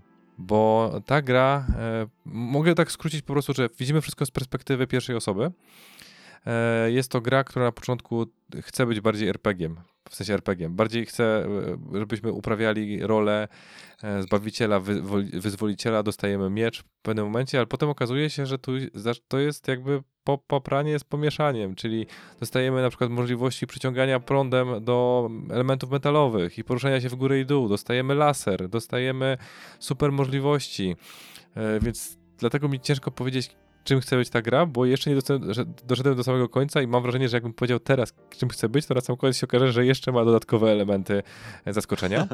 Ogólnie rzecz biorąc, e, jest to gra z otwartym światem, pozbawiona jakichkolwiek nawigacji, mapy, e, poza wskazówkami środowiskowymi, typu wiesz, strzałeczka niebieska, strzałeczka czerwona, fioletowa, dzięki którym po prostu się poruszamy na lewo i prawo. Jeżeli na przykład już wielokrotnie się spotkałem z takim czymś, że czegoś mi brakuje dalej, żeby przejść, bo nie mam jakiejś super mocy, albo nie rozbudowałem czegoś, albo nie Mhm. zdobyłem. I ku mojemu zaskoczeniu hint jest taki, porozmawiaj jeszcze raz z wszystkimi NPC-ami i domyśl się gnoju, co masz wziąć, nie? I wtedy to jest Jezu, przecież to jest, przychodzisz z otwartego świata o jakiejś tematyce do kolejnego otwartego jakby e, elementu i zbierasz monetki, za które możesz potem kupować upgrade'y do każdej z tych rzeczy, którą posiadasz, na przykład do poruszania się, skakania, masz podwójny skok, potrójny skok, pewnie dalej będzie poczwórny skok, e, takie dość sztampowe elementy, rozbudowujesz bronię, jeżeli chodzi o możliwości na przykład obrażeń, E, możesz też dewastować groby i w pewnym momencie na przykład znajdujesz skille, które umożliwiają ci dewastowanie grobów, dzięki czemu nie odradzają się przeciwnicy, którzy są na, na, śmieszni czasami, jeżeli chodzi o te takie mopki chodzące. Ogólnie rzecz biorąc, w każdym z tych takich miejsc masz kilka lub kilkanaście zadań do wykonania, które są w jakimś stopniu, mm, znaczy nie w jakimś stopniu, są zagadkami środowiskowymi, ale nie są tak oczywiste, jakie się spodziewamy. To nie jest tak, wiecie, że prowadzony jesteśmy za rączkę, że tutaj musisz przejść od punktu A. Czasami trzeba pokombinować, czasami w nowym miejscu e, okazuje się, że niektóre miejsca są w ogóle niedostępne, więc mógłbym powiedzieć, że żartować, że mamy coś z Metroidvanii tutaj w tej grze. E, ale problem jest taki, że jakbym się tak uparł e, i tak, wiecie, chamsko chciał klasyfikować tę grę, to znajdę co najmniej 17 gatunków, do których ta gra mogłaby być chamsko przypisana, więc dlatego skończę, że Supraland jest po prostu Supralandem. E, I co mamy dalej? No mamy takie, jak nazwałbym to fabułą, to prawdopodobnie bym obraził wszystkie fabuły, które do, do, tej pory widziałem, dlatego że jest to uproszczone tak samo jak ta grafika, dlatego że nasz bohater to jest człowieczek i większość ludzi, którzy tutaj są, to jest po prostu taki chłopek z, ze znaków e, świetlnych, jeżeli chodzi o poruszanie się. Albo ze znaków drogowych, nie? Po tak, dokładnie. Ludzik, są, tak, tak, tak. I i to by można było powiedzieć, że komuś się nie chciało grafikę, nie? Tak, kompletnie nie chciało się w grafikę. Podczas gdy, co jest dopracowane, że mamy tutaj, o ile się nie mylę, Unreal 4 e, Engine. Mhm. I co mnie zaskoczyło, bo jak już skończyłem kilka map, przeszedłem tak jakby do pewnego momentu, zapytałem się Michała, ale dlaczego oni takie coś zrobili? Chyba mogę zrobić spoiler, bo e, żeby dojść w pewne miejsce, dowiedziałem się, że można skakać po tarczach grobów, które odbijają cię w tym momencie. Nieoczywista rzecz, która, którą nazwijmy rzecz po imieniu, skapłem się przypadkowo, e, spadając na to i wtedy sobie przypomniałem, kurde, faktycznie koleś mi to powiedział, NPC, trzy levele wcześniej, trzy tak jakby lokacje wcześniej, mhm. ale nie, nie potraktowałem tego poważnie. Więc okazuje się, że po pierwsze istnieje co najmniej jedna droga dotarcia do tego samego miejsca, po drugie e, mam wrażenie, że każda z rzeczy, którą można przesunąć lub użyć, nie jest tutaj przypadkowo. Że nie ma tak jakby pustych elementów do wywalenia, tylko można po prostu pokombinować i przez te lokacje e, się przenosić dalej. I to jest, to jest mega ciekawe, że czasami po prostu nad niektórymi zagadkami e, trochę czasu spędzam, bo nie są oczywiste. E, niektóre są, można brute force'em przejść, mówiąc bardziej brutalnie, lub liczyć na, na to, że da się wspiąć i ominąć, ale robią się coraz to bardziej ciekawe, dlatego że zaczynają łączyć 3, 4, 5 broni, nazwijmy to, dobra, elementów ekwipunku, żeby nie powiedzieć broni, które w jakimś stopniu można e, potem użyć, na przykład do blokowania, do odbijania, albo można samemu e, stanowić zaporę, żeby coś złapać. Więc jest to naprawdę dość ciekawie zrealizowana e, gra, w której wszystko zaczyna się wokół pierdołowatej hasła pod tytułem my jesteśmy czerwoni, czyli ci dobrzy, a niebiescy nam robią pod górę. I trzeba pójść nakopać królowi, porozmawiać z królem przeciwnym i tak jakby z każdą lokacją ta gra dorzuca coś od siebie. Że na przykład albo mamy e, nową broń, albo mamy nowy typ zagadek, albo mamy łączenie tych zagadek, albo mamy jakieś dźwignie, które nam to przesuwają, e, odbijanie elementów i tak dalej, albo pojawia się boss, bo też już się pojawiają bossowie. Natomiast to nie są bossowie. Mm, można przed kolesiem pitać półtorej godziny i nic nie trafić się, bo praktycznie, jak to się mówi, e, tele, w telegraficznym skrócie po prostu daje informację, jakiego rodzaju są ataki. Nie jest to jakoś mega trudne, bo nie o to w tym chodzi, żeby to było wyzywanie typu e, mhm. używimy drugi raz Dark Souls, bo w każdy odcinek musi mieć przynajmniej porównanie nietrafione do Dark Souls, już mamy dwa, więc e, jeżeli mamy jakichś historyków typu Długosz, którzy prowadzą statystyki odcinka, proszę odkreślić dwa. E, I co jeszcze mogę e, o, o tym tytule? E, Tam świat jest taki Minecraftowy, tak? Czy, czy, czy nie, to czy on nie jest taki pikselowaty, nie? Jak Minecraft, ale jest zrobiony też z kwadratów, tak? Bartek taki bym znaczy, powiedział, z heksagonów. Nie jest on wybitnie wyrenderowany, że to wszystko jest gładkie, płaskie i w ogóle. Więc zauważalne mm. są te bricksy, że są z cegieł zrobione elementy, ale też pojawiają się dowcipy pod tytułem, że pojawiają się budowlę z klocków, które nie są klockami Lego, tylko klockami LOL, chyba, o ile się nie mylę. Dlatego, że ta gra stara się być śmieszna i momentami jest śmieszna, bo wrzuca ja znowu, jest to naprawdę, przynajmniej to jest typ mojego humoru, nazwijmy tę rzecz po imieniu. Czyli prawdopodobnie mhm. jedna 7-miliardowa e, populacji się bawi tym tytułem, czyli autor i ja, dlatego sobie pomyliłem, po, policzy, pozwoliłem policzyć jedna 7-miliardowa, czy nawet dwie 7-miliardowe e, naszej rzeczywistości. I co jeszcze mógłbym rzec, żeby w sumie, czy zachęciłbym do tego tytułu? To jest tak totalnie przyjemna gra, tak totalnie odmurzacz, tak totalnie różna od Tiny Kina, który był e, bardziej switaśny, bardziej humorzasty. Ta jest naprawdę stara się podchodzić do wszystkich RPGów I do takich gier w- pod tytułem, że wiesz, mama y, wyrzuca cię z domu, dlatego że trener chce ją poruchać, więc dostajesz Pokemona, idziesz w świat, tu dostajesz miecz, masz zacząć walczyć, wszystko odkrywasz samemu, wracasz, kupujesz. E, bawi się tą konwencją, bawi się tymi konwencjami, dlatego że mówię, im Mhm. dalej w las, tym tego jest więcej. Gra podobno ma 12 godzin, ja jestem po 7 godzinach i nadal mi się nie nudzi. E, raz tak miałem, nie raz tak miałem w sumie, nie będę kłamał, że niektóre zagadki mnie zmęczyły intelektualnie, dosłownie. Dlatego, że starałem się je rozwiązywać mając mapę pomysłów e, z aktualnie poznanych elementów, a rozwiązanie, jak się potem je odkryło, było badalne, tylko trzeba było je odkryć. To jest zaskakujące w tym wszystkim. I to znowu nie są zagadki pokroju, nie wiem, Witness, nie są zagadki e, jakoś bardzo skomplikowane, ale Mhm. są ciekawe. Mam po prostu takie dziwne Okej. wrażenie, że to jest tytuł, w którym po raz pierwszy z niektórymi e, typami zagadek się spotykam, że jak, w jaki sposób to jest łączone, e, w jaki sposób e, się potem wraca, mając dodatkową moc. I okaz- kurde, to był skrót. I o, żeby nie było. Oczywiście podstawowym elementem to jest to, że jakby to jest świat stworzony w, wewnątrz naszego świata, czyli widać na przykład rury ogrodowe, widać e, jakąś tam narrację w postaci e, innych elementów. E, Mhm. oczywiście jednym Taki sposobów... zabawkowy świat trochę, tak. nie? Tam ze kochanie sposobów- zmniejszyłem nasze dzieci i tak. No, znaczy nie wiem, No. czy kochanie zmniejszyłem moje dzieci. E, może tak być na samym końcu. Nie ma mrówek, nie ma jakby żyjątek na, na tym No, poziomie. no, nie jest to grounded tak jeden do jeden, rozumiem, tak, nie? tak, tak, ale... tak, tak jakby świat w świecie, nie? I oczywiście, jeżeli Mhm. chcesz poruszać się szybciej, to są dostępne zielone rury. Zaskakujące, nie? Prawda? Nie, nie ma podwodnego świata, Ania, więc możesz spokojnie grać. Przynajmniej na razie nie ma podwodnego świata, które może być problematyczne. No, No, większość ludzi nie, nie lubi pod, podwodnych leveli, nie? Tak, i misje eskortowych. Tak, tak, dokładnie. To, to są dwie rzeczy, które pamiętam z Mario. E, misje eskortowe. Hmm. E, Nie, I co, co jeszcze mógłbym powiedzieć? No w sumie ja grę polecam, dosłownie. Ja jestem zaskoczony. Bardzo, pod, jak zobaczyłem, e, przygotowując się do tej recenzji, że to jest małe studio Supra Games, które do tej pory wy, wypuściło e, Supra Ball i Supra Land. E, w kolejności, że Supra Land jako pierwszy, Supra Mm. jako ten. I jeszcze reklamują się, że istnieje takie coś jak seria, e, jak serial, w sensie zestawienie Supra coś. Wyczuwam to jest- pewną zależność pomiędzy tymi tytułami, ale jeszcze nie wiem co. No Supra Games, Supra Games UG, to jest deweloper. E, wydawcą jest, jest Humble Bundle, co mnie zdziwiło. No, Humble Bundle, no znowu wydało, to, tak jak Slay the Spire, więc mają nosa do takiego rodzaju gdzieś tam produkcji. Tak, i wiesz, jak, no powiem szczerze, jeżeli szukacie czegoś, co wam pozwoli e, delektować się nietrywialnymi elementami, e, takimi mechanikami, szukacie czegoś, co faktycznie zawiera jakieś formy zagadek, tylko mniej oczywistych, czasami nawet e, nie takich prostolinijnych, które wymagają przygotowania. E, Nie szukacie fabuły? Nazwijmy rzecz po imieniu. Fabuła to jest tak drugorzędna, No jak moje żarty w tym można podcaście. zagrać, jak się nie szuka Tak, jak- fabuły. Jak ktoś szuka fabuły, to w jest.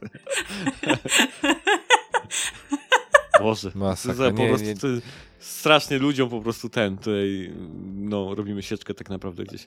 Ja w ogóle chciałem powiedzieć, że mamy ciekawe zestawienie tytułów, bo Outriders mamy tytuł, który ma pomieszanie z poplątaniem, miesza dużo różnych innych gier, ale robi to dosyć nieudolnie. Mamy e, Skorna, który też starał się wiele gdzieś tam e, ogonu gdzieś tam złapać i wiele rzeczy robić e, i tak do końca nie wiedział czym chciał być. Aby i, za, i zapomniał o game designie, to mi chodziło gdzieś tam po głowie, jeśli chodzi o Skorna. A tutaj z tego co Bartek opowiadasz, to jest faktycznie pomieszanie wielu gatunków, jest dużo rzeczy nawiązanie do innych gier, ale game design jednak działa, tak? Jest czuć, że jest to przemyślane, te zagadki, budowa Nie, świata. Ja, ja mam wrażenie, że ktoś tu naprawdę się przyłożył i że zatrudnili przynajmniej jednego QA, że tak sobie zażartuję, w porównaniu do niektórych innych tytułów, które napra- naprawdę nie były przetestowane.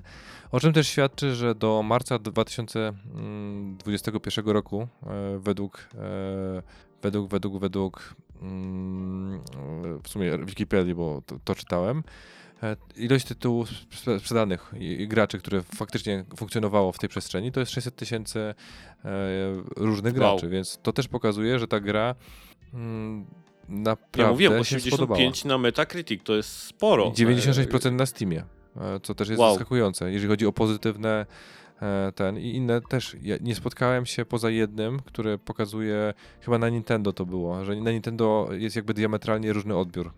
Na Nintendo mamy na poziomie 6-7 na 10, oceny, a Mhm. wszystkie pozostałe są najprawdopodobniej chyba to optymalizacja nie pykła.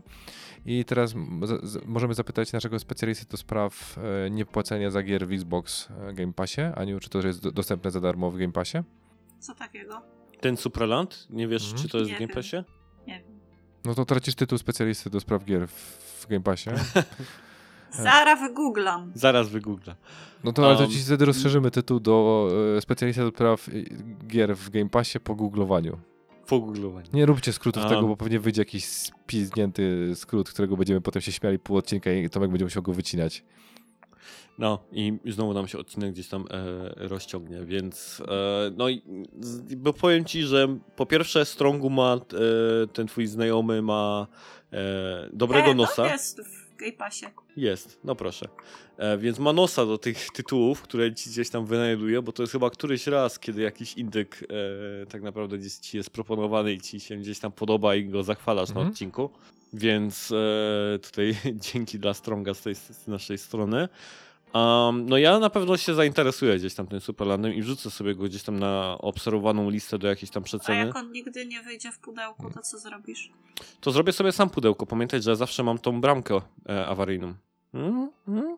Ty robisz to tylko wtedy, kiedy jest ci to na rękę. Tak, dokładnie. Znaczy w tym wypadku na łysinę, bo widziałaś jak ukazywał. Mhm. Hmm. Właśnie. Dobrze, i mamy jeszcze jeden tytuł. E, Diofield Chronicles. E, Ania, ty grałaś w tego taktycznego RPGa. Chyba tak to jest. Chy- Chyba to Wydaje jest. mi się, że chyba nikt go nie kupił. Wszyscy się obawiają, czym ta gra tak naprawdę jest i czekają na promocję. Przynajmniej tak widzę po moich znajomych, którzy normalnie kupują te wszystkie JRPG, a tutaj jednak zasiana została taka wątpliwość. No bo on nie, nie było dużego marketingu. Tam się chyba tylko pojawił raz czy dwa na jakimś State of Play czy coś takiego, więc. Square to w ogóle nie robi żadnego marketingu, a sypią teraz na jesieni jednym RPG za drugim. Mamy e, tego Diofielda, Valkyria wyszła, zaraz jest Harvestella. Harvest, Harvestella i Tactics Ogre przecież wychodzi Mhm. ten remake o remaster. E, Octopath Traveler też jakoś tam potem niedługo, nie? e, w styczniu chyba, No. czy w lutym, jakoś tak w przyszłym roku, no. No. No, także Zupełnie jakby chcieli podbić swoją cenę ak ak e, akcji. no Hmm. dużo wychodzi tych, tych No, JRPG-ków. Jeszcze pytanie, co z finalem kolejnym, no ale to już tam pieśń przyszłości. A? Crisis Core też jeszcze wychodzi, nie? Przecież to też jest już niedługo ten, e, ten re- Też chyba remakeowany. jakoś tak z, W tym roku jeszcze. grudzień chyba? Mhm. Tak. Pod koniec roku, na pewno gdzieś tam po końcówce roku samego, czy to koniec listopada, czy grudzień, Crisis Core. Więc, Więc sypią. oni tych, tych RPGów sypnęli dość sporo, a nikt ich chyba nie kupuje. Yy, Wal Valkyrie, z tego co wiedziałam, to na Twitterku u mnie kupiły może ze dwie osoby. W Diofieldach może jedna poza mną. Znaczy ja nie kupiłem, ja dostałam do Recki, więc to już siebie nie biorę pod uwagę. No, ale yy, dawno, dawno temu na PlayStation 2 była taka seria gier, która się nazywała Growlancer. Mhm. I to były gry, w których y, walczyło się w czasie rzeczywistym z przeciwnikami. To nie był, to była gra strategiczna, ale nie turówka, tylko właśnie wydawało się polecenia postaciom w czasie rzeczywistym. To chyba na E, PSP też było, nie wiem, tak mi się wydaje. Tak, ostatnia część wyszła właśnie na PSP Mhm. w 2011 roku i od tamtego czasu mamy ciszę w temacie. I mi było bardzo szkoda w sumie tej serii, bo te gry były naprawdę intrygujące, bardzo rozbudowane i nie miały też takiej fabuły li- liniowej. Tam się wydarzenia też zmieniały w zależności od tego, jakie postacie napotkaliśmy w którym momencie gry. I te scenariusze mogły być lekko modyfikowane. Mhm. E, I jak zobaczyłam materiały z Dewfielda, to pierwsze właśnie moje skojarzenie było z Growlancerami. Te, te gry się oczywiście mocno różnią. E, chociażby jeśli chodzi o to, co się dzieje między, między walkami, bo w Growlancerze po prostu podróżowaliśmy z miejscówki do miejscówki. To Okej. było przerywane gdzieś tam jakimiś e, lochami e, czy, czy innymi planszami. Tę walkę się na nich toczyło. Natomiast w Diofieldzie mamy zamek, w którym rozwijamy e, kolejne bronie, umiejętności postaci, sammony chociażby. Pojawiają się sammony z finali, bo jest e, Bahamut Mhm. e, chociażby. E, no, rozbudowujemy ten zamek i mamy misje, na które się udajemy. E, te misje z reguły same w sobie są bardzo krótkie, ale przez to, że tę grę co chwilę pauzujemy i wydajemy polecenia postaciom, potrafią trwać sporo. W sensie najczęstszym e, dodatkowym zadaniem w misji jest ukończenie jej poniżej 6 minut. I nie grasz tej misji 6 minut, grasz ją, nie wiem, 15, czasem 20. Ale czas mimo się że- zatrzymuje, tak? ale czas się zatrzymuje, Okej. tak? W, w momencie, kiedy wydajesz polecenia. E, I tu widać taką ułomność trochę konsoli, bo wydawanie precyzyjnych, w sensie przemieszczanie tych postaci precyzyjnie po mapie jest bardzo trudne, bo kursor, sterowanie kursorem pa, odpada mm, jest bardzo nieprecyzyjne. Tam na planszach są czasem jakieś, do skrzyni akurat łatwo dojść, ale są jakieś orby ze zdrowiem czy z, czy z maną i miejscami precyzyjne trafienie idealnie w tego orba jest bardzo problematyczne. Mhm. I też zauważyłam, że nie opłaca się na przykład postaci przesuwać pojedynczo, tylko najlepiej wszystkich wojowników zwrócić od razu na, e, na jednego wroga, bo jest to najbardziej efektywne e, grupą mości panowie po prostu i, i, i w ten sposób walczyć.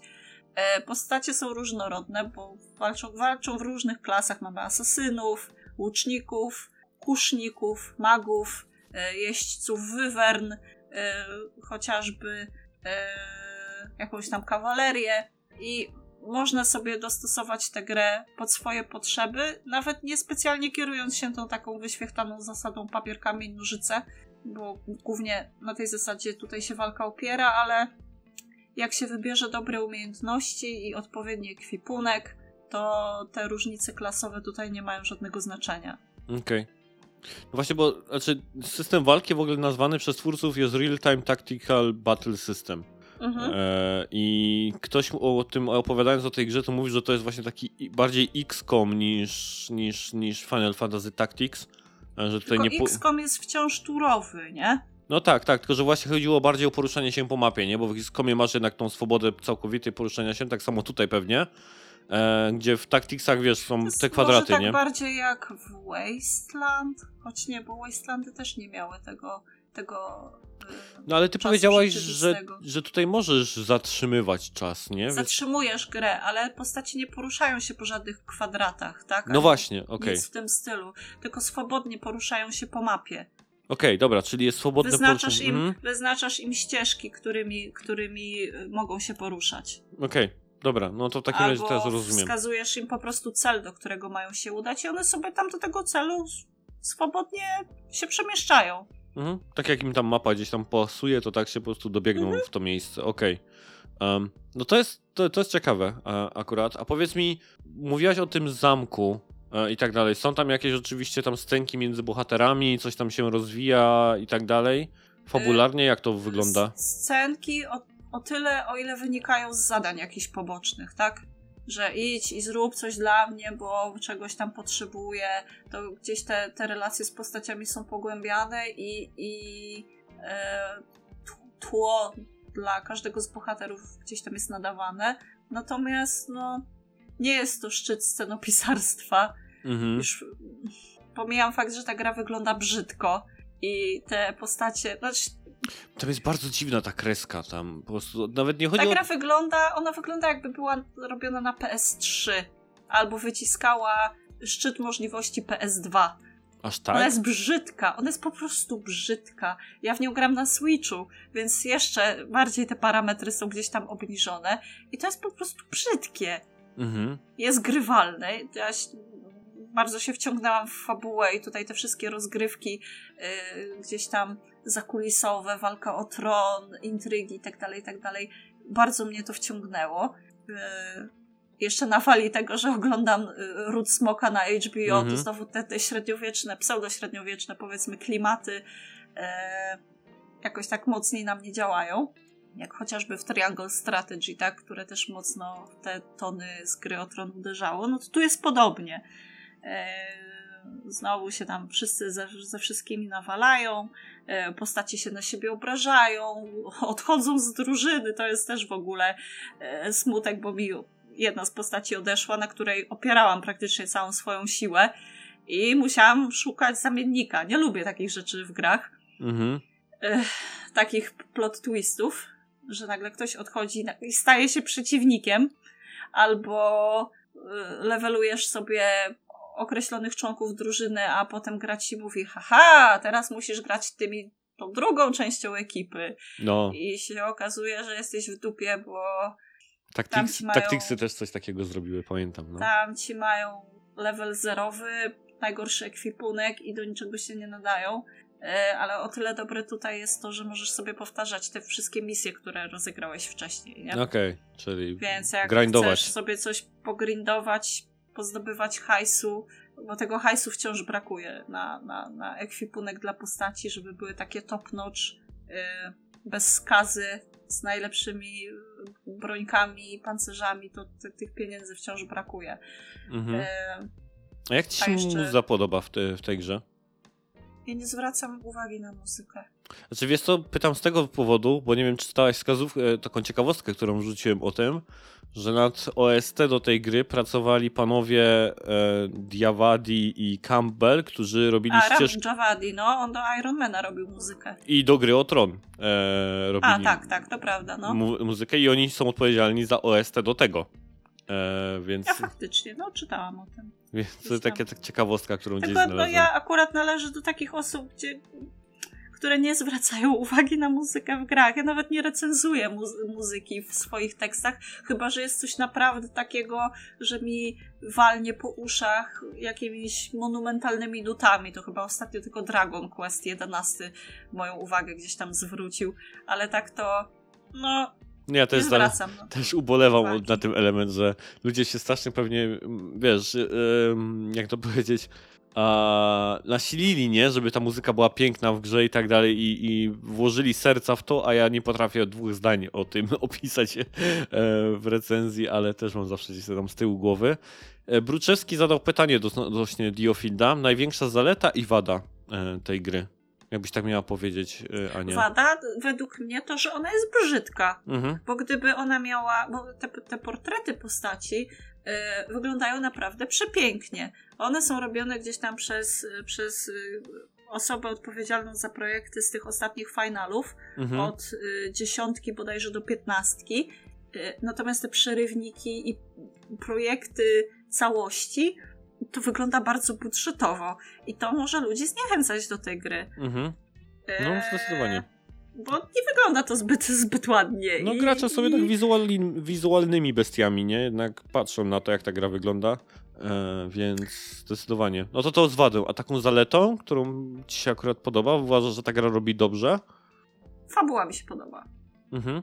Gdzieś tam właśnie jakieś pytania o sens demokracji, istoty monarchii chociażby, bo tam się różne reżimy władzy prze, prze, przeplatają. E, Mhm. lubię takie, takie, takie rzeczy. Okej, szkoda, znaczy spoko i trochę szkoda z tego powodu, że myślałem, że ten, e, ten, ten, ten, e, gameplay, ten taktyczny, że to jednak dobrze działa. Na tyle, żeby... Działa, działa, to owszem, jak najbardziej. Mhm. E, tylko ja. To jest przykre w tej całej sytuacji, że, że tutaj poskąpiono trochę, trochę złota z sakiewki i e, ta gra mogła wyglądać ładniej, przez co mogła bardziej zachęcić graczy do, do sięgnięcia po nią, bo e, modeli przeciwników jest bardzo niewiele. E, Tam się powtarzają, mielą w kółko te same modele postaci, w sensie przeciwników. Misje przeważnie, 90% misji polega na tym wyrżnij wszystkich wrogów, ale masz też misje eskortowe albo obronę e, barykad i może to trochę nużyć. Taki brak różnorodności. E, no. Mhm. Okej. Bartek, czy ty masz jakieś pytania do Ani odnośnie tego Diofielda? Mm, Je, powiem szczerze, to jest pierwszy raz, jak usłyszałem, że ta gra istnieje. Bo to jest kompletnie poza nurtem No mojego zainteresowania, więc wiesz, to nawet nie wiem o co zapytać dosłownie. 73 akurat zdobyło ocenę, więc gdzieś tam w podobnych rejonach się Tam obracamy. były całkiem, całkiem spoko oceny, nawet bardzo wysokie się pojawiały. Wiesz co, e, ja widziałem, że portale, które przypiszą o RPG-ach, to jednak fajnie tą grę oceniały, a takie mainstreamowe, bym powiedział, portale właśnie raczej dawały gdzieś tam te niższe oceny, co znowu się wpisuje w to, że E, no jeżeli ta gra wygląda nie za dobrze, tak na dzisiejsze gdzieś są standardy i na platformy, na których gdzieś tam wychodziła, no to te portale takie właśnie ogólno-gamingowe bardziej... No ja bym jej taką siódemeczkę wystawiła, tak, tak bezpiecznie bardzo, nie? Mhm, okej. Z No. całym moim gdzieś tam uwielbieniem dla JRPG-ów, no ale to też nie jest taki typowy JRPG, nie? Dobra, błyska się wszystko jak psu jajca, są samony, nie ma łowienia ryb, więc to nie jest JRPG. Nie, to, o, to nie, to nawet to daleko od tego w takim wypadku, to nawet nie można porównać. Um, no dobra, okej. To dzięki w takim razie Ania za, za ten tytuł.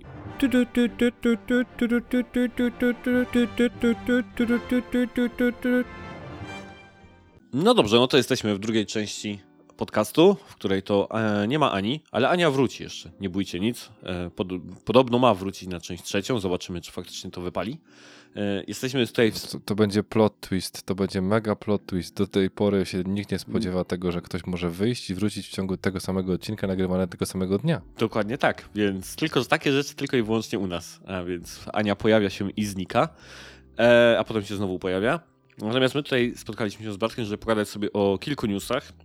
I uwaga, uwaga, nie ma Sony w nich. To bardzo się starałem i udało się w końcu odcinek bez żadnych rzeczy związanych z z Sony, z Microsoftem, wykupami jakimiś i tak dalej umieścić w odcinku.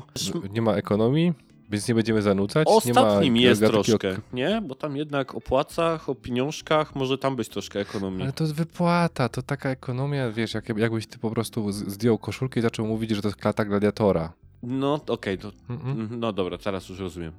No okej, tak, ale zaczynamy od e, plotki, znaczy plotki, plotki, potwierdzonej już raczej informacji o tym, albowiem znamy pierwszą gwiazdę nowego projektu Hideo Kojimy e, i będzie to Eli, Eli, Eli Fanning, chyba tak się e, czyta imię tej pani. E, zagra w następnej grze Hideo Kojimy, zostało to potwierdzone zarówno jak przez aktorkę, jak i przez samo Kojima Productions. Wyłapał to tak naprawdę na Twitterze Lance McDonald. Jeżeli nie kojarzycie gościa, to jest facet, który modował Bloodborne'a bardzo mocno. E, swego czasu on też tam e, tego, ten mod do Bloodborne'a związany z kamerą e, jakoś tam instalował, żeby móc gdzieś tam wchodzić w jakieś tekstury, oglądać rzeczy, które tak naprawdę studio nie chciało, bo żeby gracze gdzieś tam oglądali niedokończone jakieś levele, czy tam pomieszczenia i tak dalej, to wszystko gdzieś tam on wynajdywał. I, I ogólnie tam modowanie gier From Software to było takie gdzieś tam jego konik, pamiętam. Z, tego przynajmniej ja go znam. E, on wyłapał, że skanując kod QR, który Kojima Productions miało jakby rozstawione na targach PAX Australia, prowadzi do obrazu na stronie Kojima Productions ujawniającą właśnie twarz e, aktorki. Nie wiem, czy pamiętacie, my tam widzieliśmy, chyba gadaliśmy o tym na podcaście, o tym plakacie e, Who Am I, że tam Hideo Kojima pokazał plakat, na którym nic nie widać, tylko jakiś tam mo- mocno zacieniowaną twarz. Więc teraz już wiemy o co w tym wszystkim chodziło. Studia i ak- i aktorka udostępnili serię zdjęć, którą, któ- które internauci łączą z Death Stranding. I powiedz mi Bartek, czy ty widziałeś te zdjęcia? Mm, Szczerze powiedziawszy nie. to jak sobie klikniesz w link tam na tym naszym Trello, e, dokładnie ten link, który jest tam podpisany Knut on Twitter, bo to użytkownik Knut. Nie no, to jasne, że klikałem, No. tylko wiesz, wcześniej tego nie widziałem przed odcinkiem, bo e, jak, ja mam takie zaufanie do Kojimy i do tego, co on wypuszcza przed premierą, jakby to powiedzieć, żadne. Bo on się lubi często bawić różnymi konwencjami i robić sobie jaja z, z wszystkiego i z wszystkich, nie?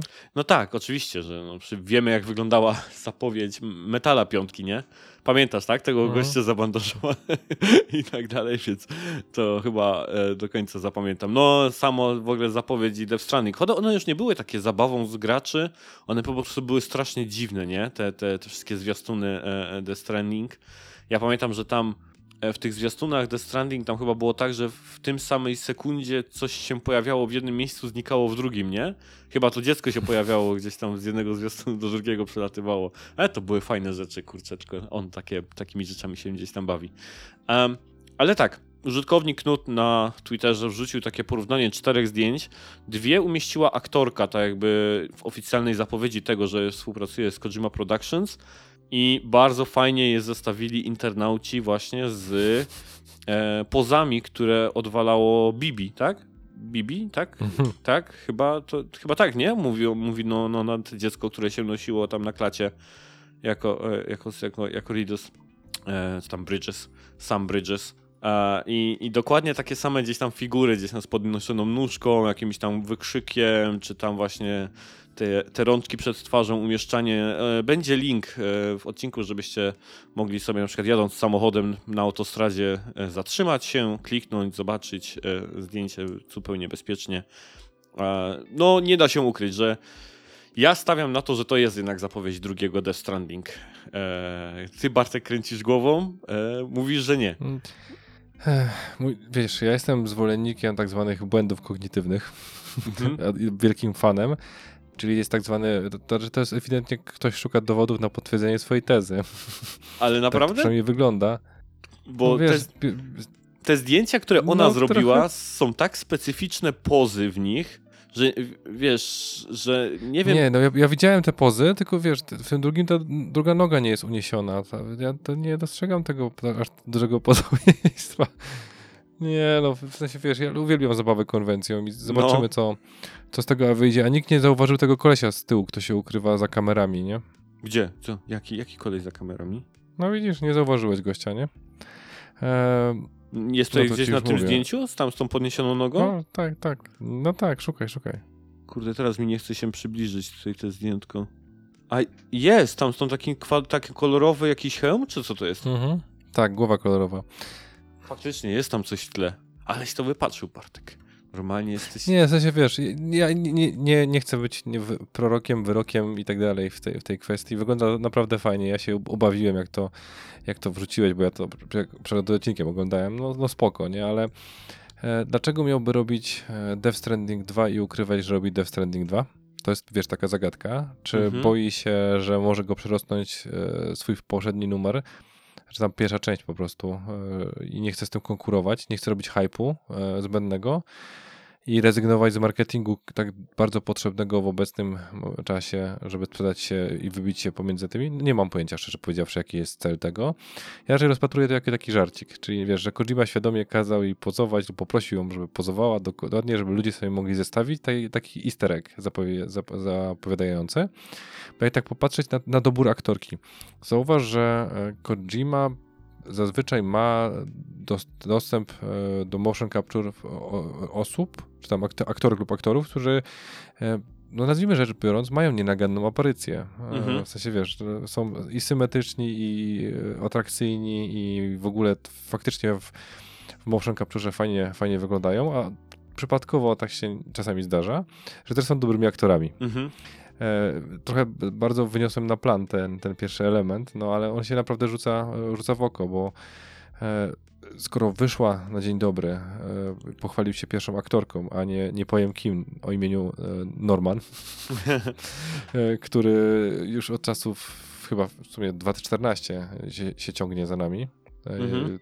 Pewne, w pewnym zwiastunie pewnym, pewnej gry, no to dlaczego e, zagrał w taki sposób, po- po- żeby e, troszeczkę podbić to, e, dywagację lub odświeżyć tytuł pod kątem na przykład tego, jakiej płci jest płód Fices. Dobrze to przytoczę? Chyba tak.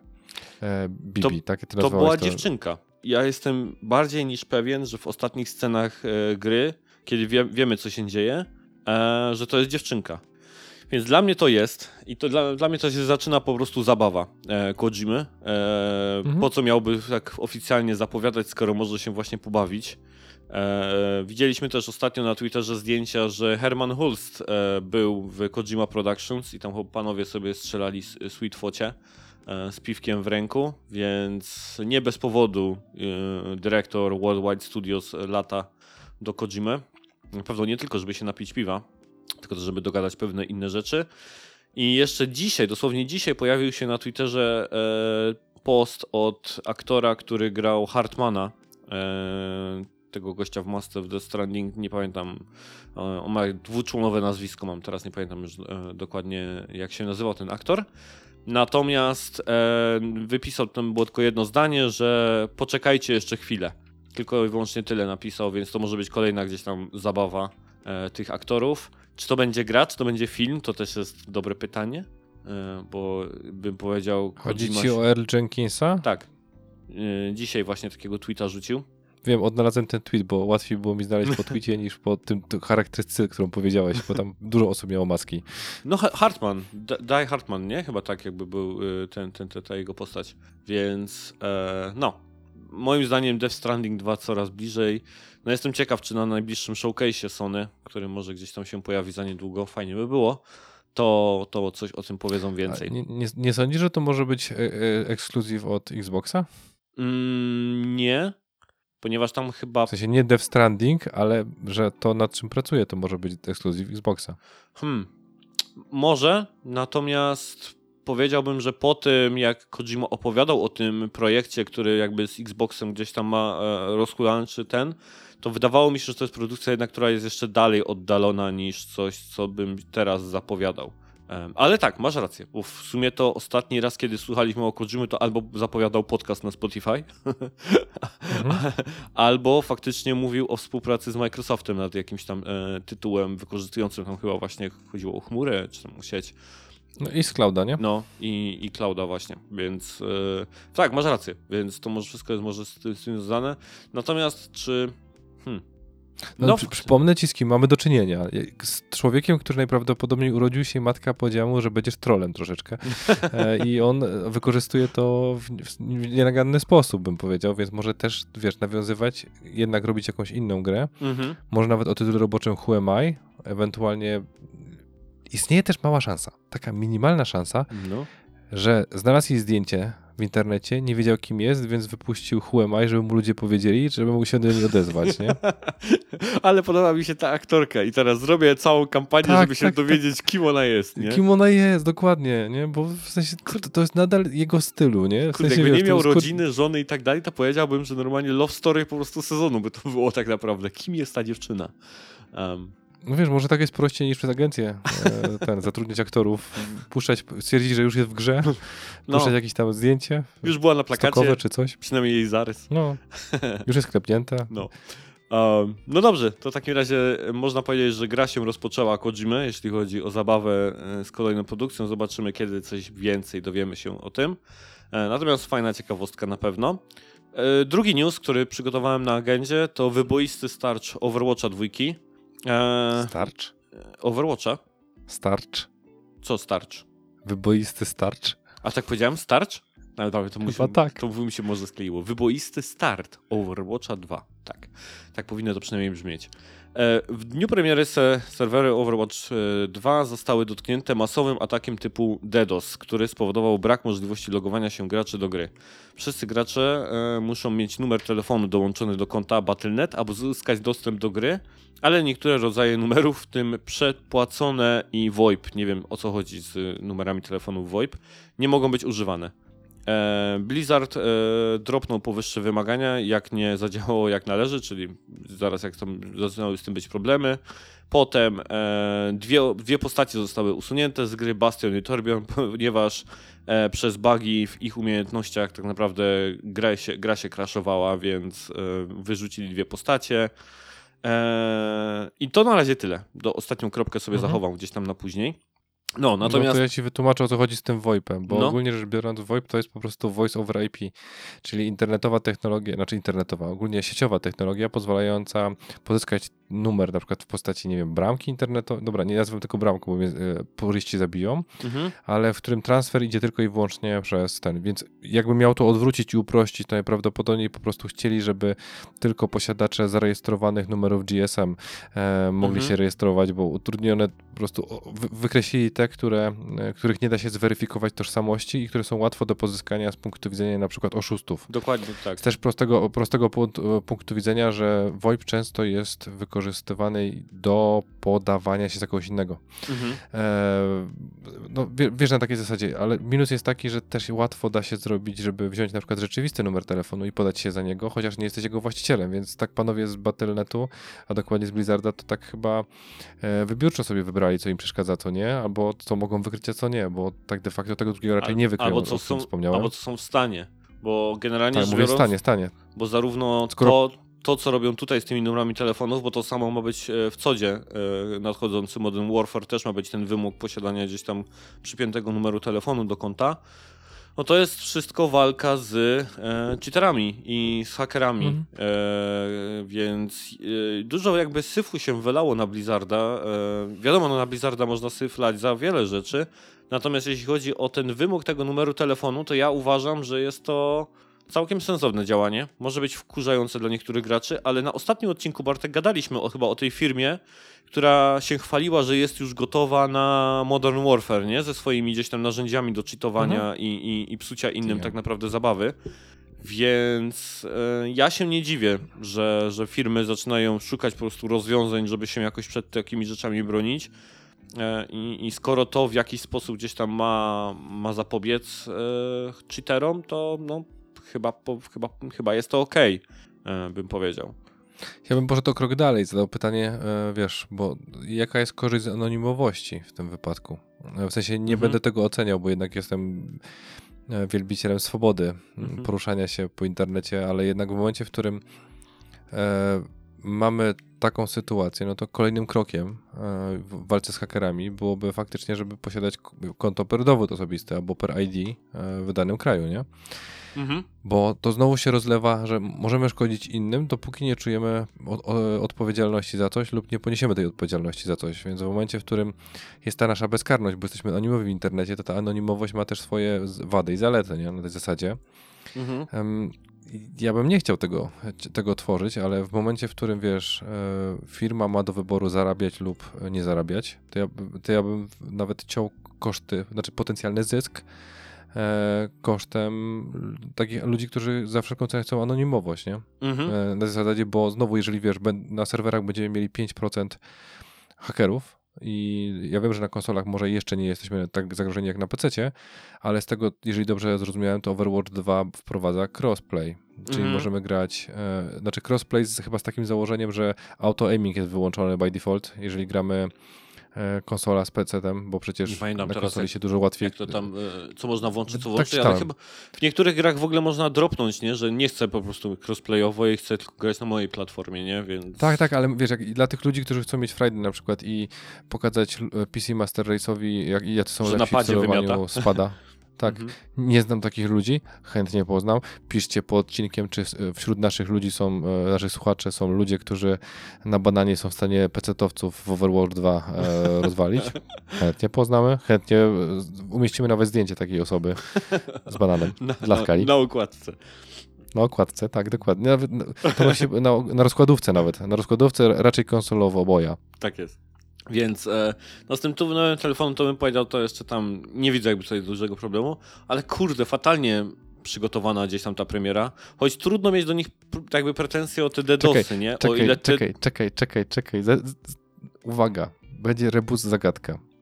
Ile sieciówek faktycznie było gotowe na swój własny sukces nie miało problemów typu DDoS, nie miało problemów typu e, siedzę 30 godzin, w dobra, może nie 30 godzin, ale w kolejce i czekam na, e, w lobby czy cokolwiek innego, e, Bungie. które Szczerze, Bungie. Ja zawsze to powtarzam. Obie premiery, zarówno Destiny 2, jak i Destiny 1 były bardzo gładkie. E, wypuszczone zostały gry i działały od razu.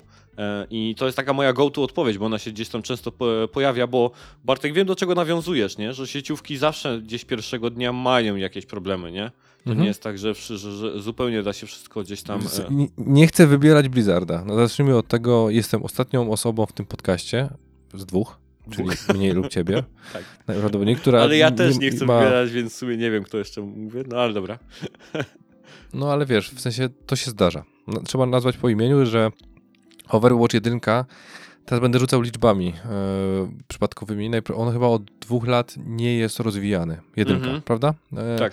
Był gigantycznym sukcesem, był mega grywalną grą. Nawet ja się na to złapałem, że e, instalowałem go w, w przedpremierze, w sensie w becie jakiejś, czy tam głębokiej. Mhm. I grałem sobie nawet potem, więc mi się też podobał, a grałem na padzie, więc wiesz, mogę o tym jak najbardziej powiedzieć, więc pomijając fakt, że użyłem słowa więc sześć razy e, w tym zdaniu, Mhm. to Overwatch 2 był bardzo nahypowany, bardzo o- oczekiwaną grą, szczególnie, że chodzi teraz w modelu free-to-play, o ile się nie mylę, Mhm. czyli jeżeli Blizzard wprowadza free-to-play, to na 100% gwarantujemy, że to jest free-to-play, pay to stay alive e, najprawdopodobniej, albo e, żeby... Do, ja, ja, już, ja już przeczytałem sobie, jaki jest ten model, więc e, jest to troszeczkę tak...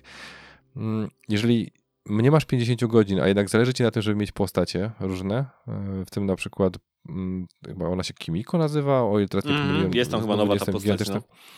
to trzeba trochę pogrindować. Właśnie to jest chyba, czytałem właśnie, że 45-50 godzin grindowania i wtedy stać się na tę postać. No to nie wiem ile trwa sezon. Przy, przyjmijmy, że 3 miesiące, no to w ciągu, też, chociaż długo to by było, 3 miesiące.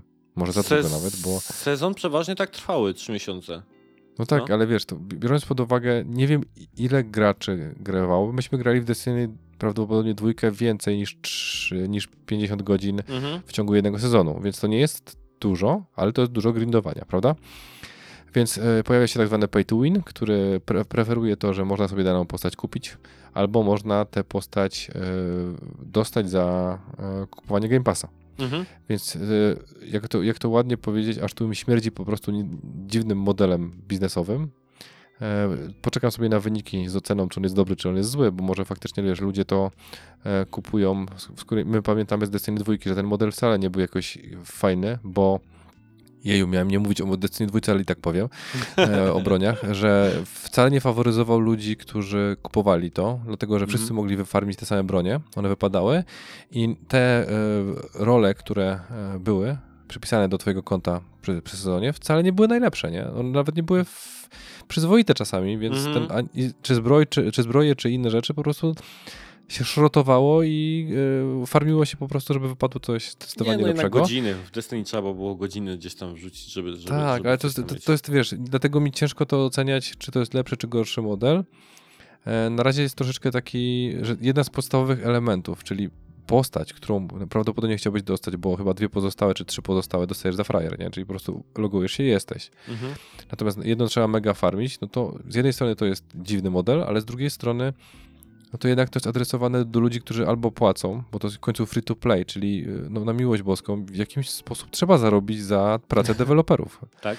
No. Ja wiem, że to wy wygląda bardzo podobne, podobnie do Overwatcha 1, ale mm, nadal oni przerabiali, przerenderowali wszystkie modele, że one teraz są ładniejsze, inne no, są mają ładniejsze, mechaniki. Są na pewno inne. Nie do końca No mi się dobra. może tam wszystkie zmiany podobają, nie? Ale No spoko. Ja mówię ze swojego punktu widzenia, żeby nie było. Mi się podobają, są ładniejsze dla mnie. Potrzebowałeś Mhm. tego dodatku dla mnie, nie? tak. No i więc jedno, jednocześnie mam mieszane uczucia, ale z drugiej strony e, w końcu Overwatch 1 był płatny, nie? Więc trzeba było zabulić tę Tak. ilość pesos, żeby faktycznie gra się zwróciła. A tutaj e, dają nam za frajer coś, więc nie dziwię się, że mogli zagrać bezpiecznie, mm, wiesz, nie mając tej puli, bo to znowu odroczona płatność. E, I spodziewam się raczej, że będą tak zarabiać jak na innych grach, czyli no skórki, no postacie, no e, sezon pasy i inne elementy i, i spoko. No, Jedyne co znowu jest niedopasowane, ale ja mam wrażenie, że w Blizzardzie to jest po prostu by default, bo Blizzard i Bethesda jest na tą samą literę, więc to najprawdopodobniej jest łączące. Ze wszystkim, że zawsze jest jakieś tak zwane niedopasowanie e, mety. I zawsze Mhm. są jakieś dwie, jedna postać, która jest tak przykokszona, że nie opłaca się w ogóle e, im ją utrzymywać i trzeba nerfić, nerfić, nerfić, nerfić. Albo w ogóle ją to pierwszy raz, wyrzucić, tak jak ją- tutaj wyrzucili dwie. to jest chyba pierwszy raz, kiedy ją wyrzucili, bo e, o ile się nie mylę, Bastion był overkill, to overpower straszny, nie? Ja To- uwielbiałem to- Bastiona w pierwszym tym Overwatchu. Bastion był super. Rozstawić się gdzieś w jakimś No. kącie i, i było mega z, z Reinhardtem na No tarczy. tak, ale wiesz, no zmienili go, e, jego mechaniki i co jest najlepsze, o ile się nie mylę, to też zmienili e, balans, bo w sensie balans, masz 5 na 5, prawda? Tak, I tam w zupełnie inny sposób konstruujesz e, metę, w sensie nie metę, tylko po prostu skład zespołu niż poprzednio, więc No. trochę tych zmian jest. Tak, jest, jest trochę tych zmian. E, I tutaj w sumie pytanie od Bruczewskiego możemy od razu wrzucić. Czy waszym zdaniem w obecnym kształcie Overwatch 2 zasługuje na dwa w tytule? Jak zapatrujecie się na fakt, że pomimo czasu na przygotowanie tej premiery Blizzard tak wiele rzeczy zaniedbał i na starcie występuje tak wiele problemów? I tutaj ja najpierw do tej drugiej części, bo o nią już zahaczyliśmy. Zarówno Bartek jak o niej mówi, jak trochę ja gdzieś tam mówiłem. Też się dziwię, że y, tak dużo rzeczy, wiesz, że te tele, że problemy są z tymi telefonami, y, że y, ten system, który generalnie miał działać, tak faktycznie nie działa, bo telefony, które powinny być akceptowane, nie są akceptowane i w końcu dropnęli całkiem jakby gdzieś tam weryfikację telefoniczną, więc coś tam z tym było nie tak. Te dwie postacie, które nie to, że są zbagowane, jeśli chodzi o nerw, że trzeba je znerfować, tylko po prostu ich umiejętności wywalają grę ludziom całkowicie, więc to już zupełnie. E, no i teraz no, za te DDoSy, no to okej, okay, dobra, no, trudno tutaj jakby winić ich za to, że po prostu zostali gdzieś tam zdedosowani, e, zaatakowani, o ile faktycznie tak było, a to nie jest tylko przykrywka. Więc no dziwię się trochę temu, że taki gdzieś tam ten start jest wyboisty, mimo tego, że wiadomo, że sieciówki zawsze gdzieś tam jakieś problemy mają na początku, to jednak jest to duża marka, duża firma, która wydawała już masę gier e, online tak naprawdę e, w swojej gdzieś tam w swoim życiu, więc mogliby się lepiej postarać. Zastanawiam się trochę Bartek, czy nie jest to też efekt tego, że mieliśmy nie mówić o tym zakupie przez Microsoft Activision, ale że, że ten zakup Activision, e, Blizzarda jest w takim zawieszeniu, E, że może wiesz, nie są odpowiednio siły kierowane do, do jakiegoś projektu, ludzie też nie wiedzą, czy będą dalej pracować, czy, czy, czy ich będą zwalniać po przejęciu przez nowego gdzieś tam pracodawcę, czy się zmienią struktury, może już się zmieniają struktury w organizacji. E, sam, sam na własnej skórze ostatnio e, doświadczyłem, co oznacza zmiana strukturalna w organizacji, więc może to było trochę gdzieś spowodowane tym, że tak jakby gdzieś zniknął ten fokus e, w Overwatchu, ale to znowu może być odebrane jako gdzieś tam, że staram się bronić Overwatcha. Ale tak, czy zasługuje na tą dwójkę w tytule? Bartek już powiedział, że faktycznie zmienił się balans, zmieniły się postacie, modele, e, dużo rzeczy zostało pozmienianych. Ja pamiętam tą składnie tą samą dyskusję przy Destiny 1 i 2 też wszyscy się pytali po prostu, czy, czy dwójka faktycznie e, ma sens, czy to, to Destiny 1,5 ludzie nazywali tą, gdzieś tam tą, tą drugą część, więc e, bym powiedział, to na papierze nie powinno się tego oceniać, tylko faktycznie grając. Ja nie grałem w Overwatcha e, dwójkę, to, więc nie mogę jakby gdzieś to, tam się jest, wypowiedzieć. Wiesz, gdzie jest trudność w tym wszystkim? Że mówimy tutaj tak de facto o grze, chyba mogę nazwać to grze usłudze która się toczy, do której rzeczy pewnie dorzucają. Mhm. I przez to, że zazwyczaj, jeżeli masz dwie gry usługi, jedynkę i dwójkę, to ta ciągłość jest zachowana, że w momencie, w którym dopiero wyłączają serwer, jak wchodzimy w dwójkę, albo jest jakiś taki, taki overlap, żeby jednak ludzie e, mieli możliwość przerzucenia się. I dużo łatwiej jest mówić o jedynce i dwójce, wiesz, przypadkach takich jak na przykład Uncharted, kiedy między mhm. produkcją jednej i wydaniem drugiej mija jakiś czas. Tak. I kiedy y, wypuszczasz tę grę, nie aktualizujesz tak często, bo to nie jest tak niesądzowo, że wiesz, że oni zmieniają silnik, zmieniają mechaniki czy cokolwiek innego, bo nie muszą tego w taki sam sposób wspierać, bo ludzie tego nie oczekują i to też nie jest gra sieciowa.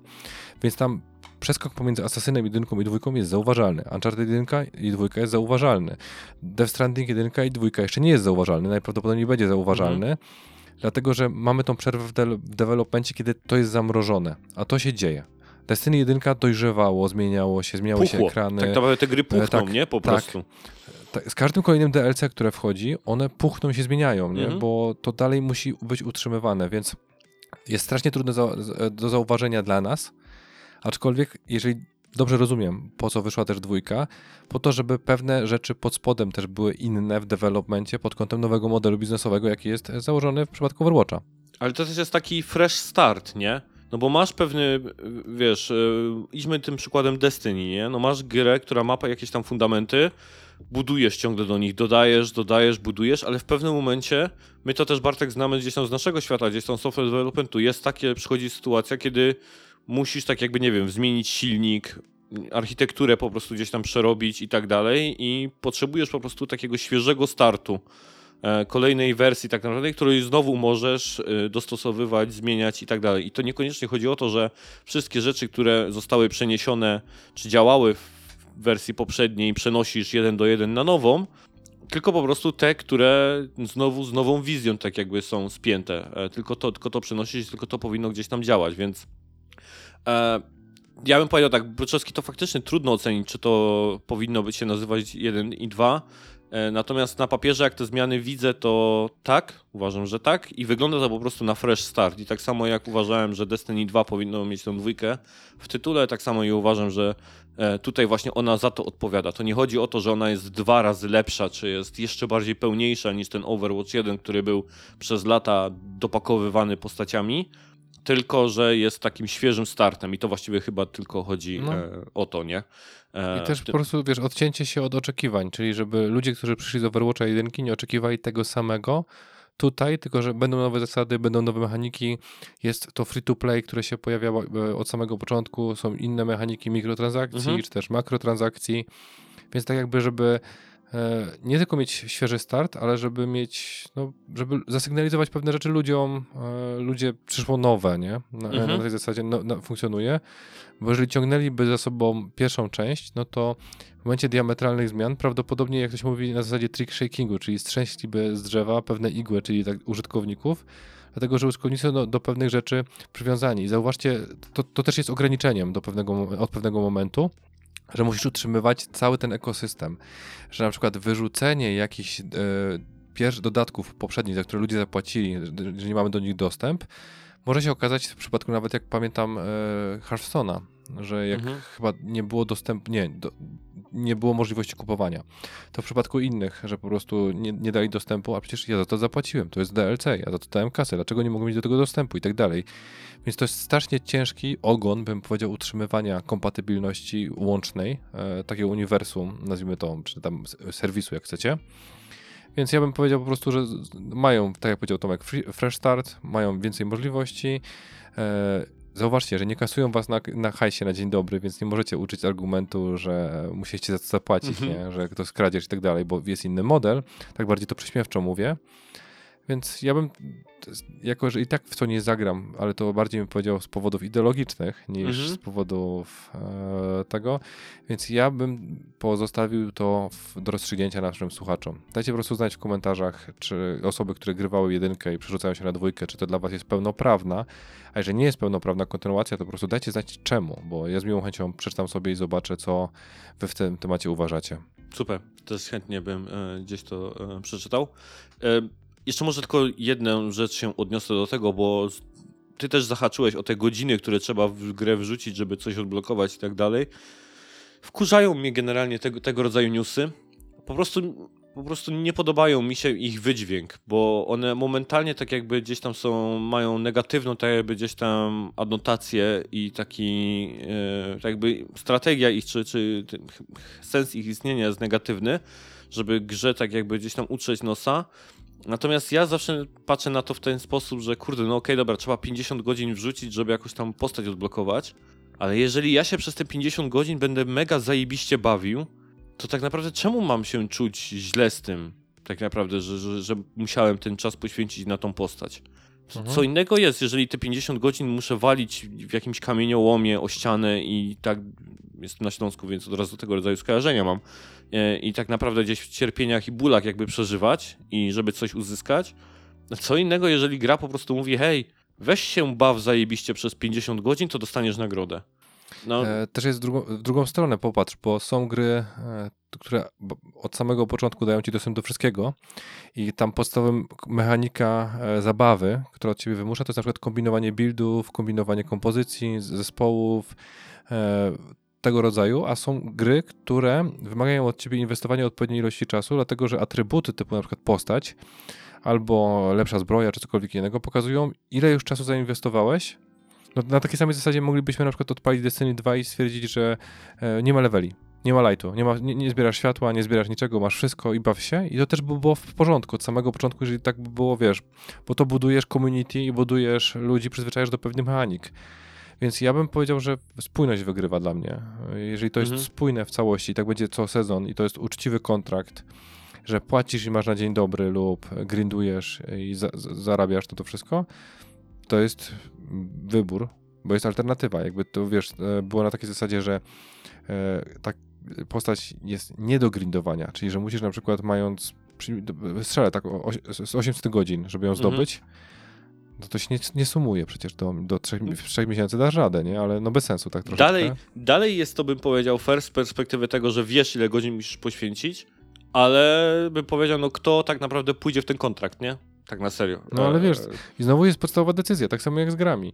Jeżeli postać, hipotetycznie, załóż, załóżmy, że żadna z postaci w Assassin, e, wróć, co ja chciałem Assassin's Creed powiedzieć, chciałem powiedzieć e, w Overwatchu dwójce, nie jest odblokowana, prawda? Że, przy, że Mhm. odblokowane są tylko na przykład te, jak masz, prze- przenosisz konto z jedynki do dwójki i miałeś je wcześniej kupione lub je posiadasz, to przychodzą na, na własność, ale no, osoba, która zaczyna z tym wszystkim, wiesz, w, e, współpracę, zaczyna grać, no to musi to sobie wszystko e, zarobić w odpowiedni sposób i też podejmuje w tym momencie decyzję swoją, swoimi pieniędzmi, jeżeli rodzice nie pożyczą odpowiedniej ilości kasy, bo to też jest gra dla dzieci, żeby nie było, więc dlatego powiedziałem tak przyśmiewczo rodzice, ale w przypadku dorosłych osób to też sobie trzeba skalkulować, którymi postaciami chcę, czy jestem kolekcjonerem, czy jednak, wiesz, będę bardziej świadomie decyzję podejmował, bo to też jest w tym momencie głosowanie e, kasą, które w jakimś stopniu wpłynie też na metę, nie? Bo e, wiesz, ja jestem dalej przeświadczenia, że te takie najlepsze postacie lub postacie, które mają mm, bardzo specyficzny sposób grania. Przyjmują na przykład specjaliści, i, e, jakieś e, ten, e, glass kanony czy cokolwiek innego, Mhm. to do nich się dojrzewa raz z umiejętnościami, dlatego że danie os takiej osobie, na przykład niedoświadczonej takiej postaci, po pierwsze wkurzy ci ludzi na rankedach, na 100%. Tak. Jeżeli mamy osła, który się po prostu pakuje pod e, ten i ginie w ciągu sekundy i musimy na respawn czekać około 5 minut, Mhm. e, no to to jest irytujące. Ale w momencie, w którym taka osoba dostaje bezpieczne postacie na dzień dobry, że sobie może nimi pograć i się może nauczyć pewnych sposobów, na przykład tankowania, gdzie więcej na przykład wybaczamy taką wolny, wolną Mhm. Albo postacią. albo czy tam, no, no, no. To jest wszystko, to jest, do, prowadzę do jednej podstawowej rzeczy, że kontrakt pomiędzy ludźmi, którzy grają w Overwatcha dwójkę, w jaki sposób te mechaniki działają i forma onboardingu, która jest, czyli że pewne rzeczy trzeba sobie wyrobić. Możesz być osobą, która kupuje to i ignoruje te wszystkie rzeczy, ale bierz pod uwagę to, że pieniądze nie kupują skilla w tym wypadku, więc i tak w jakimś stopniu to musisz nadrobić. Więc ja bym zobaczył z punktu widzenia, wiesz, czasu, Mhm. jak oni do tego podeszli, bo może my to odbieramy na zasadzie takiej szybki poklas, szybki wkurz i tak dalej. Mhm. A się okazuje, że to jest po prostu przemyślane, głębsze, aczkolwiek jak to się ładnie mówi, znowu coś spieprzyło się z implementacją lub, e, wiesz, oni też testują pewne rzeczy na zasadzie obserwując zachowania. Tam jednak pracują ludzie może nieetycznie wysocy, jeżeli chodzi o niektóre ich zachowania lub poparcie dla e, Bill Cosby Lunch, e, Mhm. ale mm, nadal to są ludzie, którzy bazują dobrze na danych i, ma, i na matematyce i potrafią balansować pewne rzeczy o czym, i też psuć te balanse, ale potem do, de, de, denerfić. Więc ja jestem po prostu ciekawy, e, z czego to wynika i z miłą chęcią wejdę na Reddita sobie poczytam te insighty, które tam potem wypłyną. Tak, e, i już e, zostawiłem tą wiadomość na koniec, żeby ten news tym zamknąć. Overwatch 2 już pobił rekordową liczbę graczy e, od oryginału według Blizzarda. Dzienna liczba graczy prawie potroiła szczyt w pierwszej grze i zdobyła 25 milionów graczy. Więc to tyle w kontekście tego, ile osób zagrało. Więc na razie wygląda dobrze. Zobaczymy, jak to będzie faktycznie z czasem wyglądało i jak ludzie będą oceniać ten model. E, teraz mamy newsik, bardziej ciekawostkę e, którą wrzuciłem tutaj, bo myślałem w sumie, że będzie Ania, bo Ania grała w Defloopa. Ty, ty jeszcze nie grałeś, Bartek. Nie grałeś w Defloopa, nie? Grałeś w Defloopa, czy nie? Bo teraz już nie pamiętam. Czekaj, stop, bo, czy chodzi, chodzi ci o ostatnią grę Arcane? Tak, Defloop. Grałeś? No to razem przecież o tym dyskutowaliśmy. Tak. Miałeś tam a- nie poczekać z tym. Przecież dałem ci się zabić, człowieku. Ach, tak, no, tak, dobrze, okej. Ja, stary, ja bardzo mam krótką pamięć i tak dalej. To ja szybko zapominam tego rodzaju rzeczy, więc e, dlatego pytałem. E, Harvey Smith z Arkane Austin i Dinga Bakaba z Arkane Lyon udzielili niedawno wywiadu, w którym potwierdzili fanowskie teorie. Deweloperzy poinformowali bowiem, że Deathloop oraz seria Dishonored rozgrywają się w tym samym uniwersum. To jest ten sam uniwersum, ten sam czas, e, ten, ten sam świat. Tyle, że Deathloop dzieje się oczywiście znacznie później niż e, Dishonored. Em, coś, co chyba Mm, podejrzewaliśmy, e, jak graliśmy. Czekaj, bo mi się przypomniał właśnie mój ulubieniec Deadpool. Fucking lazy writing. Czyli w jaki sposób uzasadnić, że reskinujesz te same skille, nie? A istnieją w tym samym uniwersum, dlatego to jest powtarzalne. Serio? Tak to odebrałeś? Bo mi się to akurat podobało, bo ja nawet grając mi się No, wydawało... to, nie, w sensie wiesz, ja sobie to tłumaczę, bo dużo rzeczy wskazywało, że faktycznie to jest to samo uniwersum. E, Easter eggi, które oni pozostawiali, informacje te fan, niby fanowskie, więc jak to przeczytałem, że to jest w agendzie, to stwierdziłem, a to co, w następnym odcinku będziemy rozmawiać, że przyspieszenie ziemskie wynosi 9,81? W sensie, że e, ten kapitan Obvious, tak? E, No trochę ja to, to w- było, wiesz, to, to wszystko do, doprowadziło do tego, że ja to tak odbieram, nie? Że po pierwsze nuda, wieje nudą, po drugie lazy writing, tak, czyli lazy writing, e, żeby tak powiedzieć, że, że faktycznie mogli się troszeczkę bardziej postarać, a oni trochę sobie kupują, mm, bym powiedział, nie tyle czas, co w przypadku Deflupa dwójki, który prawdopodobnie powstanie, to zrobią to samo, co w Dishonored dwójce. Ja już to Def- widzę. A, Def, ten, ten Deflupie, to teraz. Defloop, Dishonored i, i Deadpool, jakoś tak dużo tych I, tytułów. i Prey, takich, tak? I takich tytułów używamy tutaj i mi się wszystko zlało. Em, a ja powiem tylko taką ciekawostkę jeszcze, że ponieważ ja ukończyłem niedawno jedynkę Dishonored, Outsider w pewnym momencie wspominał coś takiego, że e, on moce tak jakby daje ośmiu osobom, czy coś takiego. Że, że tak jakby, że zawsze jest tak jakby osiem tych osób obdarowanych tak jakby tym darem, e, który on tam gdzieś e, daje. I jeśli się nie pamiętam, to chyba osiem też było celów w, w Deflupie. Ale to tylko taka gdzieś tam, może zbieg okoliczności, e, który mi się gdzieś. A 8 plus 2, bo tyle było protagonistów i antagonistów, to jest 10, czyli nas, nasza podstawa systemu ekonomicznego. Bardzo dobrze, Bartek. I zawsze mnie zaskakujesz swoją matematyką i ekonomią. Widzisz, patrz, jest ekonomia jakaś. Było dodawanie, było. To teraz o numerkach. To teraz o numerkach pogadajmy. E, Gotham Knights tylko w 30 klatkach. Och no. E, kooperacyjny tytuł Gotham Knights wyprodukowany przez Warner Bros. nie będzie zawierał opcji Performance Mode i, nie be, i będzie działał z maksymalną szybkością 30 klatek na sekundę. Co zostało też potwierdzone przez samych deweloperów. E, I tutaj może zaczniemy od Byczewskiego. E, Daleki jestem od zjeżdża e, zjeżdżania Gotham Knights od góry do dołu za 30 fps, bo przecież to nie cecha definiująca jakość gry. Ale czy nie sądzicie, że w 2022 roku i przy takim sprzęcie pod telewizorami 60 fps powinno być na- napis niepisanym standardem? Um, ja na te informacje zareagowałem, bym powiedział, dosyć burzliwie, ponieważ strasznie mnie wkurzyło to, co się działo wokół tak naprawdę tej informacji gdzie ludzie zaczynali gównem obrzucać deweloperów, bojkotować grę, wycofywać preordery i tak dalej, tylko i wyłącznie dlatego, że będzie działała w 30 FPS-ach. E, Ja może jestem w mniejszości, natomiast FPS-y są dla mnie najmniej istotnym elementem gry. E, Tak naprawdę, jeśli patrząc po to, jakby warunki czy argumenty, które, przez które kupuję dane tytuły, E, może to są czasy tak naprawdę, o którym też już wspominałem o tym w- w sieci. Może to jest spowodowane czasami, kiedy tak naprawdę trzy screeny z Breath of, the, Breath of Fire 4 w, w gazecie wystarczyły mi, żebym po prostu grę kupił, jak tylko się pojawiła na półkach sklepowych. I te screeny były wszystkim, co miałem tak naprawdę. Więc a, FPS-y absolutnie mi latają. Ja spokojnie gram w 30 FPS-ach. Grałem w Spidermana w 30 FPS-ach, bo wolałem e, tak naprawdę wodotryski, jeśli chodzi o rozdzielczość i o ray tracing. E, I zawsze będę preferował, żeby gra miała te elementy jak najładniejsze. E, Żeby i, i też chciałbym, żeby deweloperzy jednak, e, jeśli mogą, moce przerobowe w coś wrzucać, to we cokolwiek innego, a nie tylko gdzieś tam gonienie za FPS-ami. Ja nie uważam, że 60 60 powinno być jakimś tam standardem. Eee, To nie jest tak, że tego nie widzę, bo też mi od razu już czuję komentarze po prostu na sobie, które, że tam nie widzę różnicy i tak dalej. Oczywiście, że widzę różnicę i też przeszkadza mi, jeżeli na przykład grałem przez długi czas w coś w 60 klatkach, a potem schodzę na 30.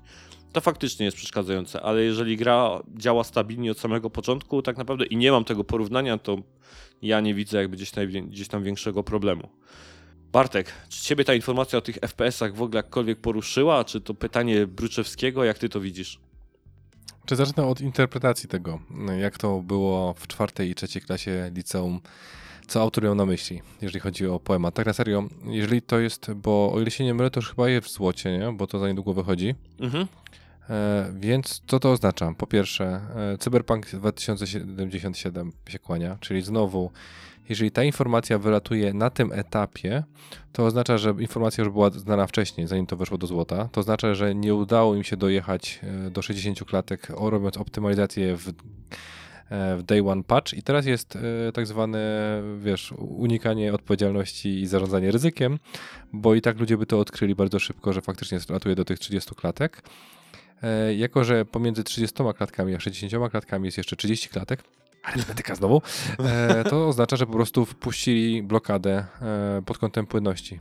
Innymi słowy, jako że to jest sieciówka, i, która wymaga jakby pewnych elementów komunikacyjnych, optymalizacyjnych i tak to wydaje mi się po prostu, że nie sprostali tego, żeby dociągnąć do tych płynnych 60, więc stwierdzili, że, że lepszą opcją lub optymalną opcją na chwilę obecną będzie blokada na 30 po to, żeby nadal ludzie mieli z tego przyjemność. I to jest jakby, wiesz, moja interpretacja tego. A jeżeli chodzi o, o moje odczucia, ja jestem zwolennikiem, może to jest dziwne, ale tego, żeby gra była optymalna Czyli żeby chodziła, wiesz, e, nie, nie, nie wieszała się, nie jąkała, nie było spadków klatek, już była stabilna. Nawet jak ma być e, przycięta na 30 klatkach na sekundę, mhm. ale nie chcę nic mówić. Wy nie wiecie, jak my wyglądamy prawdopodobnie. To jest dwóch ślepych dziadków. E, jeden, jeden wygląda jak e, Sunbi Stevie Wonder, a, a, drugi to ja. E, więc tak, żebyście mniej więcej wiedzieli, że mamy po prostu pingle takie e, spoko, więc my nawet tych 30 FPS-ów byśmy nie zauważyli. Trochę nie, no, to żartuję, bo oczywiście... No właśnie. Nie, no żartuję oczywiście.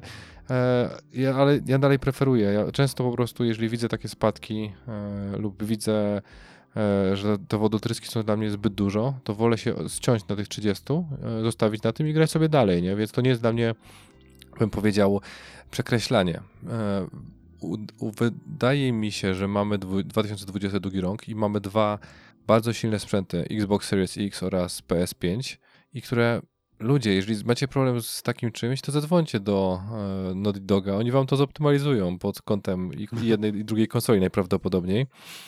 Więc będzie to chodziło i hulało, bo dla mnie to jest po prostu, wiesz, kwestia problemu technicznego albo kwest- pokłosie tak zwanych decyzji technicznych, które zostały podjęte, które chyba przekreśliły po prostu e, fakt tej płynności, albo punkt trzeci, po prostu nie, nie lecimy dobrze w sieciówkę, nie?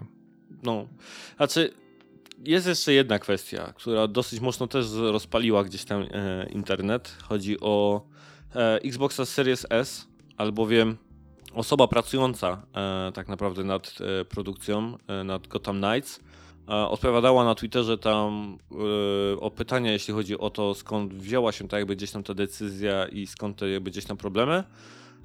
I osoba, która nazywa się Lee Devonald, ja sobie sprawdziłem na LinkedInie, ile on tak naprawdę gdzieś tam pracuje. To jest osoba, która już zjadła zęby na niejednym gdzieś tam tytule i pracowała w wielu studiach. E, deweloperskich, więc nie jest to jakiś gdzieś tam zupełny random czy junior e, w branży. E, I bardzo wyraźnie zaznaczył, że generalnie te 30 klatek, które z Gotham Knights występują, są spowodowane tym, że tak naprawdę gra musiała również funkcjonować płynnie właśnie na Series S. Jak on tutaj powiedział, multiplatform games always have to optimize for the lowest performer. Czyli gry multiplatformowe muszą się optymalizować pod tak najniższy gdzieś tam ten, ten próg, pod najniższą gdzieś tam możliwościami konsole. E, więc no to jest dosyć ciekawe, bym powiedział, z tym e, z takim doniesieniem. Nie chcę tego jakby gdzieś tam dalej komentować, niż każdy sobie gdzieś tam weźmie e, tą informację i sobie ją przetrawi. Ja się z tym bym powiedział, e, nie dziwię się temu. Też właśnie ten wspomniany Lance McDonald, o którym mówiliśmy tam przy okazji tego Death Stranding 2 i tego plakatu, on też jakby wyśmiał tą wypowiedź, że, e, że, że to jest nieprawda, bo gdyby to była prawda, to deweloperzy musieliby gry optymalizować na PC-tach, ponieważ istnieje karta tam jakiś tam GeForce 730 czy coś takiego, który jest jakąś tam mega starą kartą już. E, co też jest głupotą, bo to nie będzie zaskoczeniem. Znaczy, może koło, dla kogoś będzie to zaskoczeniem, jakąś tam informacją, ale wydaje mi się, że jest to dosyć taka jawna informacja, w jaki sposób studia tak naprawdę podchodzą do wymagań sprzętowych i sprzętu, który chcą tak naprawdę gdzieś tam wspierać. To jest decyzja, którą gdzieś tam podejmuje się na początku e, produkcji. I przeważnie wygląda to w ten sposób, że studia wybierają sobie trzy tiery tak naprawdę, czyli minimalną, minimalny sprzęt, na którym ma ich gra funkcjonować, E, medium tier i to jest przeważnie tier, który w studiu kupuje się do e, testowania i na nim się przeważnie większość testów gdzieś tam robi, jak się sprawdza, sprawdza tytuły. No i oczywiście najlepszy tier, który e, gra obecnie na rynku będzie działał wspólnie, wspólnie z grą. Przeważnie się tworzy takie jakby gdzieś tam trzy, trzy, trzy progi i studio dopilnowuje, żeby gra funkcjonowała na tym najniższym progu. Wszystko, co jest poniżej tego i tak naprawdę, to studio tak jakby nie bierze odpowiedzialności za to, czy to będzie działać, jak to będzie działać, czy te stare karty będą to pociągać i tak dalej, więc e, tego się tak jakby już nie sprawdza i się tak jakby zapomina o tym. A jak wybiera się ten sprzęt, który powinien być w tych każdym gdzieś tam tym progu, no tutaj to zależy od targetu, w który celujemy z naszą grą.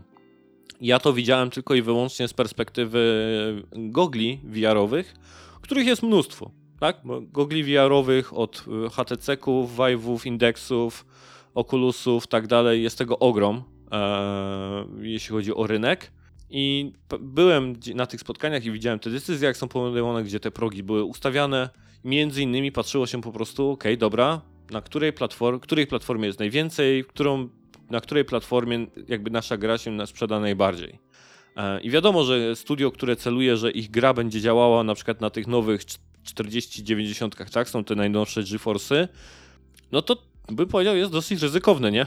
Wypuszczanie gry, która będzie działała na, tylko na kartach, których nie ma jeszcze aż tak dużo na rynku. Ludzie nie, nie nakupowali ich jeszcze na tyle, więc dosyć mały ten, tą grupkę docelową e, sobie wybieramy w tym momencie, więc warto by wybrać sobie taki sprzęt, który jest najbardziej pospolity, tak? Jest go najwięcej, najwięcej graczy go ma i to, to jakby nam otwiera drzwi do większej grupy graczy do kupienia naszej gry gdzieś tam na start. Więc to tak w dosyć taki lakoniczny sposób opisałem, jak gdzieś tam to jakby się te decyzje się tam podejmuje, więc to nie jest tak, że występowanie jakiejkolwiek karty słabej na rynku od razu stawia to, że deweloperzy muszą się do niej dostosowywać.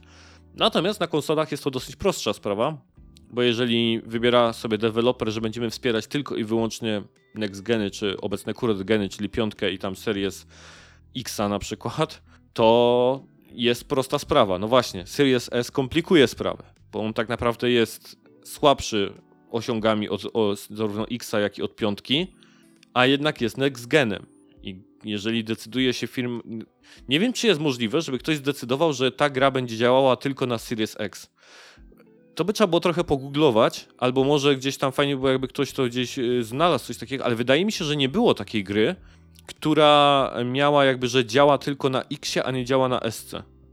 Znaczy, e... wiesz, to nadal brzmi jak zrobiłby to Phil Spencer, e, bo on jest do tego zdolny, żeby nie było, a przynajmniej na pewno by zapowiedział. E, I mówiąc szczerze, to nie widzę takiej możliwości, bo to jest złamanie podstawowej obietnicy, która została dana konsumentom, mhm. że niezależnie od tego, czy wybierzesz e, Xa czy SK, tak. gry będą działały, więc nie chcę ci nic mówić, ale jeżeli tak, ktokolwiek by takie coś znalazł, to jest takie pojęcie jak pozew zbiorowy i ja bym z tego skorzystał, bo w tym momencie ta, taki wytwórca gier, na przykład Ubisoft, może się być narażony na, na wściekłość, a będąc Microsoftem, który taką obietnicę złożył i przy zdrowych zmysłach, to bym do takiej sytuacji w ogóle nie dopuszczał, czyli albo obie, albo wcale.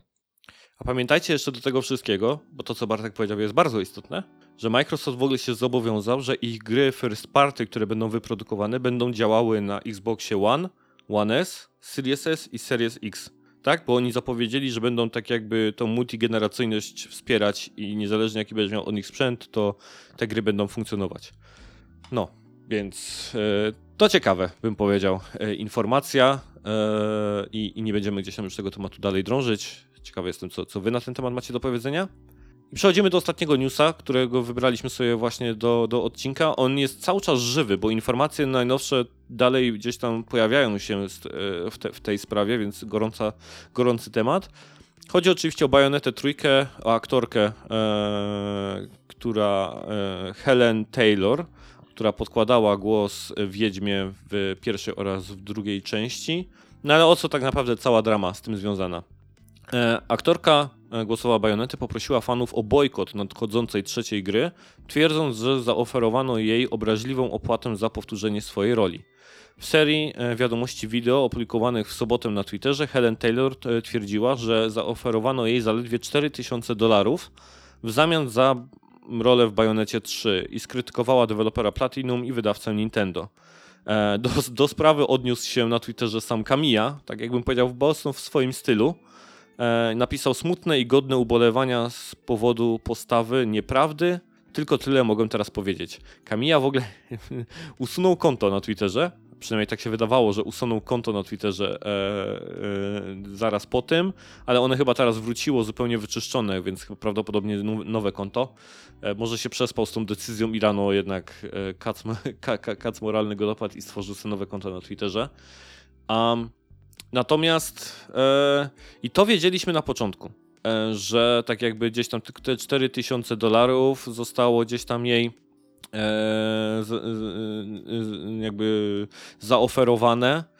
I tak, z jednej strony bym powiedział, rozumiem ją z powodu tego, że 4000 dolarów to brzmi jak bardzo niska, bym powiedział, e, cena za grę, która będzie zarabiała tak naprawdę gdzieś tam miliony, bo ona się sprzeda na pewno gdzieś tam w milionach. Też rozumiem ją z tego powodu, że związała się pewnie gdzieś tam z tą postacią. Mi zawsze się przypomina tutaj E, David e, Heyer, tak? Chyba, który podkładał głos do Snake'a w Metal Gear Solid. Wszystkich praktycznie częściach, aż do piątki, gdzie został e, zmieniony przez Sutherlanda. Więc rozumiem gdzieś tam może jej rozgoryczenie tą całą sytuacją. Natomiast namawianie do bojkotu bym powiedział, nie wiem, czy było najlepszą gdzieś tam taktyką i, i, i sposobem, tym bardziej, że pracowało nad grą bardzo dużo osób yy, poza nią yy, i bojkotowanie tylko jakby z tego powodu gry gdzieś tam, co oczywiście nie miałoby i tak jakiegokolwiek przełożenia na sprzedaż, więc to tylko takie teoretycznie. Yy, no ale nie wiem, zanim przejdę do pytania Bruczewskiego, masz coś jeszcze Bartek tutaj do odniesienia się, czy od razu to pytanie? Znaczy możesz, bo ja się odniosę do tego i do tego na raz. Spotkałem się z opiniami, to Bruczewski oczywiście, e, e, który w ogóle zalał nas w tym odcinku pytaniami, bardzo dziękujemy. Spotkałem się z opiniami, że przecież aktorka od Bio za tę sesję zarobi więcej od programisty, grafika czy designera w przeliczeniu kwota za godzinę pracy. Czy taki sposób wyceny jej pracy w ogóle, jak, e, w ogóle jakichkolwiek usług kogokolwiek jest waszym zdaniem uczciwy? No to zacznę od tego ostatniego, bo to najprostsze, nie?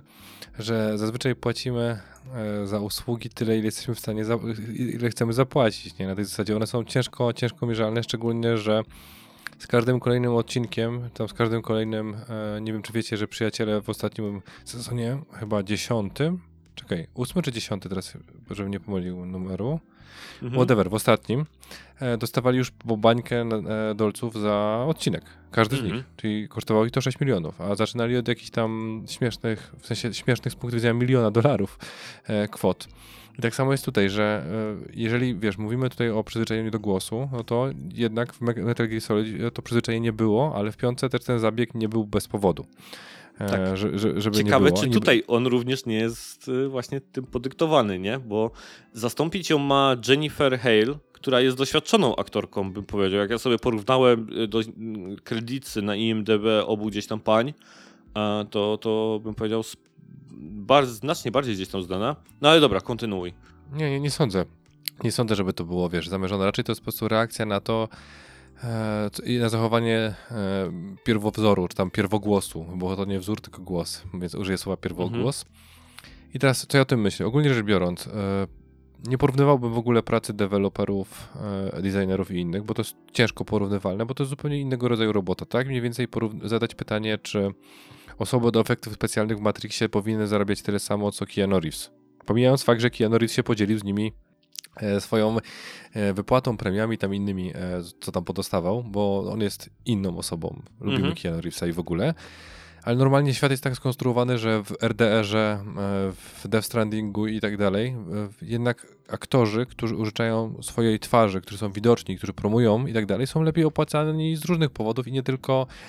I nie, nie przeliczajmy tego na minuty, bo o ile się nie mylę, są takie filmy, w których ktoś łącznie wystąpił chyba 5 minut, a zgarnął Oscara za to i gigantyczną ilość kasy i to jest mhm. ciężko porównywalne. Dlatego od tego będę uciekał, żeby tego po prostu, żebym nie, nie musiał tego ja robić.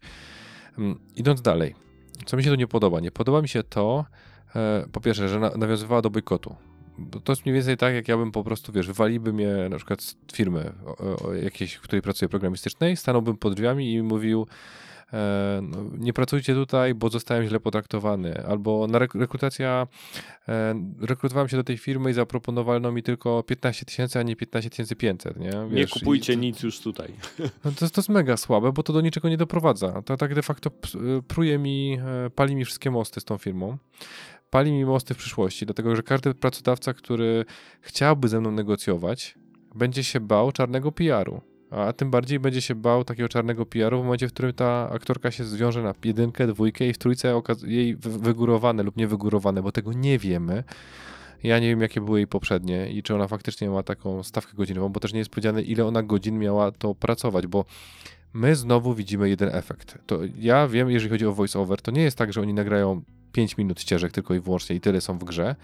Nie, często jest tak, że po prostu dogrywają próby inne, próbują powiedzieć innym głosem i to dopiero realizatorzy i potem montażyści wybierają jakby jedną ścieżkę, która trafia do gry. Więc to nie jest tak, że oni tylko pracują krótko, więc dlatego dla mnie strasznie ciężko określić, e, ile jest pracy w tych 4000. Może się okazać, że więcej niż estymujemy. E, tak wiesz, tak, tak, tak.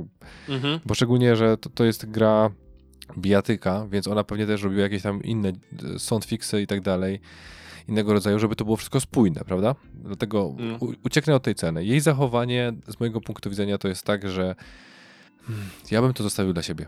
Dosłownie. E, zostawiłbym dla siebie, po pierwsze, wyszedłbym z tych negocjacji Trudno, dali mi 4000, mówię, że chcę więcej. Zaparkowałbym to, e, próbowałbym to inaczej ugrać, w inny sposób naciskać. Trochę zabaw kuluarowych, bo jednak jeżeli osoba jest w trzeciej części gry, to znaczy, że ma znajomości. To nie jest tak, że ona wchodzi do studia, wiecie, pod kocem, że ma nakryto na łbie e, worek i nie widzi, jak do tego studia. Tak kompletnie. Ona tylko widzi mikrofon i nikt nawet nie wie, że ona tam nagrywa. Nie, no, to, to jest relacje. Napra- najprawdopodobniej, jeżeli ma sceny z innymi aktorami, to oni je nagrywają wspólnie lub nie, ale e, no, coś tam, wiesz, dałoby się tego inaczej zrealizować. I, i to w sumie nie jestem w stanie powiedzieć nic negatywnego, ani znaczy pozytywnego o tej całej sytuacji, bo nie jestem w stanie stwierdzić, czy tej pani się należy. Mhm. E, to dla mnie to też jest forma rekrutacji. Jeżeli, wiesz, dwie osoby ze sobą nie chcą współpracować, czyli ty mi chcesz dać mniej kasy niż ja chcę, no to ja mówię, trudno, nie, nie współpracujemy ze sobą, a nie kładę się na podłodze i zaczynam krzyczeć jak dziecko, nie dali mi zabawki, nie było mojego ulubionego Goofiego w środku jajka niespodzianki. No trochę, no, ludzie, jesteśmy dorośli, to nie jest tak nisonizowo, że, że oni nie zapłacili za robotę, tylko oni zaoferowali za mało, nie? Mogłaś Tak, i- wstać i se pójść. Tak, i tutaj mówię, że ta sprawa jest gorąca i cały czas jakby się rozwija, bo nie mam tego jakby gdzieś tutaj w agendzie wrzucone, ale pojawiły się jakby nowe informacje związane z tą historią. Natomiast zanim do nich dojdę, bo mam dwa, dwie informacje, które są bardzo ciekawe, to dla mnie ta Jennifer Hale jednak jest znakiem zapytania, bo wierzę w to, że ona na pewno kosztowała więcej. Yy, Ja dokładnie nie wiem, jak wyglądają te stawki związane z e, albo więcej, albo tyle samo. A tyle samo ze względu na to, że zarówno ta Jennifer, jak i ta pani Helen, tam Taylor, e, są częścią tego związku zawodowego aktorów, o którym wspominaliśmy, chyba też odcinek temu o nim mówiliśmy. Mhm. I właśnie, i to są ciekawe doniesienia, jeśli chodzi o ten związek zawodowy, bo to pierwsza informacja, którą przeczytałem dzisiaj rano, że te stawki, które one zostały jej zaproponowane, to są stawki właśnie związkowe. Ponieważ związkowe stawki dla aktora przewidują 1000 dolarów za dzień nagrywania. Platinum Mhm. Games chciało ją zakontraktować na 4 dni nagrywania. Więc nie mogą tak jakby postawić jej tam jakby ani więcej, ani mniej kasy, ponieważ to są tak jakby stawki właśnie yy, yy, związkowe. Tomek, a jak, jak, jak, jak to wyliczyłeś? Tak sobie na necie, a co, chodzi Nie, nie, te jak 4 razy wyliczyłeś, że... 1000? d- No tak, tak, bo tego naszym słuchaczom brakuje. 1000 plus 1000 to jest 2000, plus 1000 jest 3000 i plus 1000 jest 4000. Mm, dobry jesteś. Nie? No, dziękuję. No, więc tak sobie to obliczyłem, że te stawki w ten sposób gdzieś tam wyglądały. To jest pierwsza ciekawostka. To mnie jest, to między innymi jest jeden z powodów, dla których e, bardzo nie lubię związków zawodowych i cała ta idea mi się nie podoba, bo ja bardzo nie chciałbym, żeby za moją osobę i za moją karierę i za moją robotę ktoś inny decydował, ile ona powinna być płatna. Bardzo lubię mieć to gdzieś na swoich barkach, jeśli chodzi o, o wycenianie e, siebie e, i, i, i, i mojej roboty.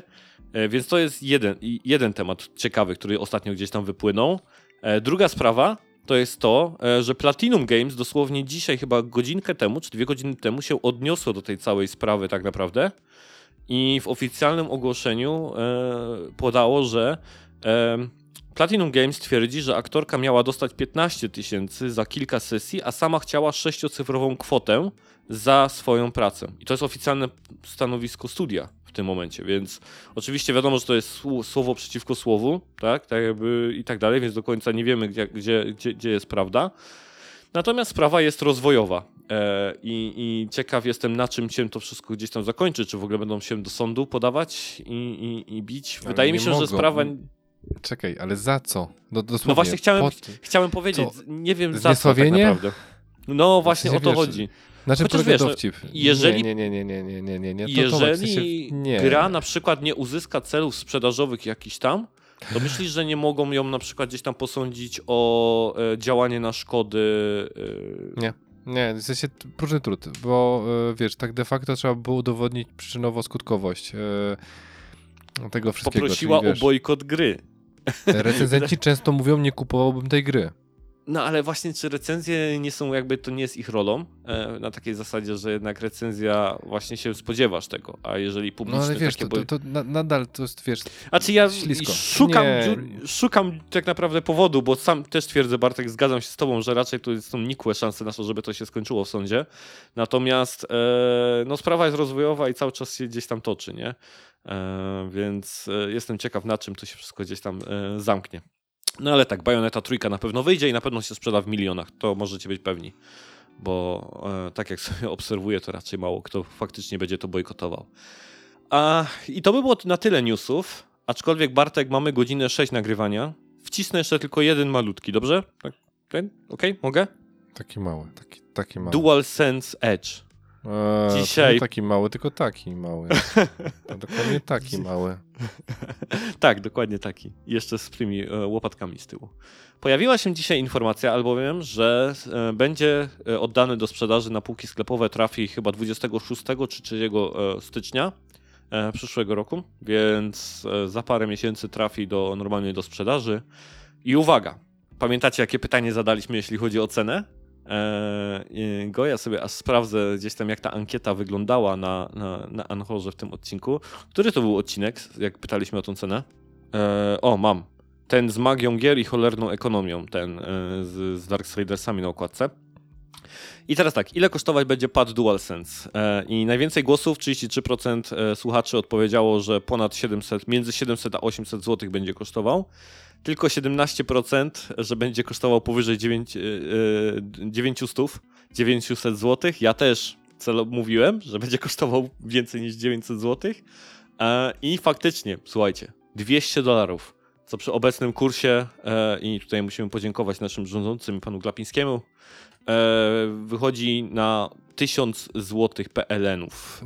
Nie, 970. 970 zł, 17 groszy na chwilę obecną i polskie sklepy to podciągną do 999. Nie, nie, nie, nie, nie. Teraz ci, już ci wytłumaczę, że nie. E, po przeliczeniu na polskie to będzie 250, bo jeszcze trzeba zapłacić cło.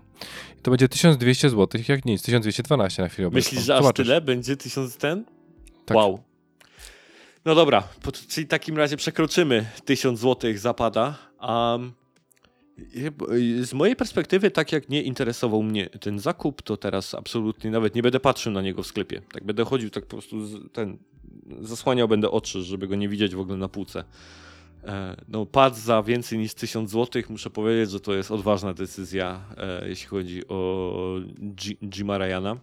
E, Bartek, czy ty kupisz pada? Przy tej cenie to chyba bym kupił prędzej Steam Decka. ty faktycznie. Ty faktycznie. To już jest praktycznie no Ile jeżeli faktycznie... 1600, tak? No chyba w chwili obecnej kosztuje 1600 ta najgorsza wersja. Znaczy nie tak bym mnie nie kupił, bo w, nazwijmy rzecz po imieniu, 2400 to jest e, ta środkowa, ten sweet spot, więc raczej to bym celował. E, nie, no nazwijmy rzecz po imieniu. Nie znajduję ani jednego powodu, dla którego miałbym nie kupić. Mam ten, wymienili mi ten pad na nowe. W, czekaj, w, będzie w kwietniu zeszłego roku. Mhm. Nie, tego roku, przepraszam. Albo zeszłego już? Już mi się to gubi. Ale od tego momentu mam dwa pady i żaden mi nie driftuje, więc mi wystarczy ten pad i mi to nie pomoże. Ja się nie nauczę od tego lepiej e, grać w Supralanda. E, nie będę e, grał w Destiny jak Tomek Niemiec. E, moja żona, nie, nie, jak powieszę sobie na szyi, to nie stwierdzi, że mam większy status życiowy, czy cokolwiek innego. E, więc co, co to jedynie mogę patrzeć na to z punktu widzenia, że skalperzy się znowu na to rzucą i będą chcieli to sprzedawać więcej. Faktycznie, pewnie- tak. No. Bo ich ograniczona ilość, znając życie, nie? Ja i tak chciałem powiedzieć jedno przy okazji, skoro mówimy, bo o tym nie mówiliśmy, że Steam wszedł na, zmienił swoją politykę sprzedawania e, Valve e, Steam Decków i teraz można je kupić, e, wiesz, bez, Bez czekania kolejki, 3 tak? miesiące recenzji. Znaczy dalej jest ta kolejka, bo wiesz, ludzie się na to ciepli, nie? To jest Mhm. normalna zasada mechaniki, mechaniki psychologiczne tutaj zostały użyte, ale istotne jest to, że przynajmniej skalperom przytyczek wniosek poszedł, bo oni sprzedawali je po 3,5-4 tysiące złotych, nie? Więc to już Mhm. wołało pomstę do nieba, nie? O tak, zdecydowanie. Jakkolwiek tylko Januszom i kupowaczom na tak zwany gdzieś tam strych e, można utrzeć nosa, to ja jestem bardzo za. Więc e, to znaczy też... wiesz, ja dalej jestem, ja, mamy wolną rynkę e, tego ekonomii. Ja, ja też jestem fanem wolnego rynku, ale może No nie, nie aż tak co to wolnego. robią, ale jako gracz ich po prostu nie lubię takiego zachowania, bo Tak. wiesz, no... To jest, jedno to jest, e, jak sp- sprzedajemy za 500 drożej już konsolę, no to w tym momencie ktoś nie kupi sobie półtorej gry, nie? Dokładnie, dokładnie, dokładnie. Um, no więc. E, A ja znam tyle. kolesia, który popełnił w 90, czekaj, w 96 czy 7 roku i kupił sobie Game Boya. I wtedy mama zadała mu pytanie, że fajnie, że oszczędzać na Game Boya, ale w co chcesz grać? No, I nie było gry w środku, nie? Bo to był Game Boy, Game Boy nie bandlowany. Pamiętam, a- że kosztował jakieś wiesz- 250 zł i to była straszna kasa. a ja pamiętam jakieś. E, kiedyś w jakimś sklepie z elektroniką w Bytomiu widziałem pirackie kadridże do Game Boya. Nie wiem na jaką skalę to funkcjonowało, czy to po prostu gdzieś tam z mojej pamięci, ale pamiętam coś takiego, że były jakieś takie pirackie kadridże. One miały podobne pudełka, ale nieoficjalne. E, coś sumie- takiego kojarzę. No, p- dziwne były. E, mi się przypomniał jeszcze drugi dowcip. Nie wiem, czy wiesz, ale w reklamie e, Steam Decka wiesz, że było kafelek z emulatorem do Switcha? Tak, tak, tak. tak. Zresztą ten, propos- ten, tam, ten cały emu, coś tam jak oni to nazywają, te wszystkie emulatory, to jest normalnie wspierane przez nich, nie? Więc wiesz, Valve ma Ale tak, wiesz, tak, ofic- tak oficjalnie pokazać środkowy palec Switchowi, w sensie Nintendo. No, tak, Valve ma absolutnie wyjebane, nie? Nie, nie, Switch jest e, fajną zabawką. Jakbym miał tak jakby e, gotówkę gdzieś tam wolną do, do użycia, to sprawiłbym sobie ten sprzęcik, bo mm, zrobił na mnie fajne wrażenie. A jako osobie bezrobotnej to nie wypada chyba. E, ale dobrze, kończymy część newsową. To by było tyle, co mamy przygotowane tutaj. To teraz wołamy Anię i przechodzimy do wolnych wniosków. Wolne wnioski. No to w takim razie lecimy z wolnymi wnioskami. Mam tutaj taki temacik, który wrzuciłem na fali tego, co pojawiło się w informacji, jeśli chodzi o Horizona Zero Dawn, że ma być remakeowany, choć ja uważam, że będzie to pewnie remaster, ale no, po Ryanie można się wszystkiego spodziewać, skoro opady sprzedaje za ponad 1000 zł. Um, zobaczymy. I chciałem pogadać z wami i zapytać was o takie właśnie remake'i, o typy e, tytułów, które byście chętnie widzieli właśnie w zupełnie odświeżonej formie, jeszcze raz zrobione na nowo. E, niekoniecznie to muszą być tytuły Sony, e, czy tam e, tylko i wyłącznie z platformy gdzieś tam, tam, tam PlayStation, jakiekolwiek wam przychodzą do głowy, ale które byście chętnie zobaczyli zrobione jeszcze raz. I może Bartek, ty pierwszy? Te swoje tytuły, które byś chętnie Mhm. zobaczył w remake'ach? Możemy lecieć jeden po jednym, ale mo- mo- mogę też się pochwalić wszystkimi trzema, czy tam pięcioma. No to lecimy jeden po jeden, będzie ciekawiej. No, Tak, jeden no po jeden. zacznę- Dawaj, jed- daj tak. pierwszy. Zacznę od tytułu, który e, w sumie moim zdaniem wymaga odświeżenia e, i też wymaga powrotu do całej serii i jest na to zerowa szansa. Dlatego, że już EA się postarało, żeby studio odpowiedzialne za Dante's Inferno przestało istnieć, więc ten tytuł nie powstanie. Mm. E, aczkolwiek to jest taki pierwsza rzecz, do której faktycznie, biorąc pod uwagę, jak został odświeżony God of War, e, czyli w jaki sposób, a e, Dante Inferno wychodziło wtedy, kiedy był God of War 3. Dokładnie różnica była chyba dwóch czy trzech miesięcy, bo to był styczeń 2010 i marzec 2010, o ile teraz nie pomyliłem e, miesięcy. Więc jako, że wyszło fajnie God of War odświeżony, a w związku z tym, że historia i była ciekawa i ja nie będę ukrywał, że stylistyka była ciekawa tego wszystkiego, więc wiem, że nie powstaną już sequele, chociaż były na to Mhm. jakieś zakusy, ale to jest jeden z takich tytułów, który naprawdę moim zdaniem powinien, powinniśmy do niego wrócić, odświeżyć go, e, nadać nowy ton rozgrywki e, i zobaczyć, w którym kierunku to by mogło pójść. Czyli tytuł z Playa trójki. Tak, E, z Playa trójki i z Xboxa 360. Okej. Jak tak patrzę, po, do, do jakiej generacji tak by się, się, się cofnąłeś y, po, po, po remake? No skoczyłem Um, 12 lat wstecz. A, ja, ja wiem, że wy się zawsze śmiejecie z tego powodu, że tam ktoś grał w coś niedawno z was, a ja tego nie, pamiętam. tylko z tego ale czy powodu się myśl- śmiejemy z ciebie. Między innymi. E, ale czy ktoś nie grał z nas w ten Dante's Inferno jakoś nie, niedawno? Znaczy ja w sensie, o ja, ja to nie, w sensie nie, na odcinku raczej nie rozmawialiśmy, o, rozmawialiśmy w kontekście nie grania, tylko innych.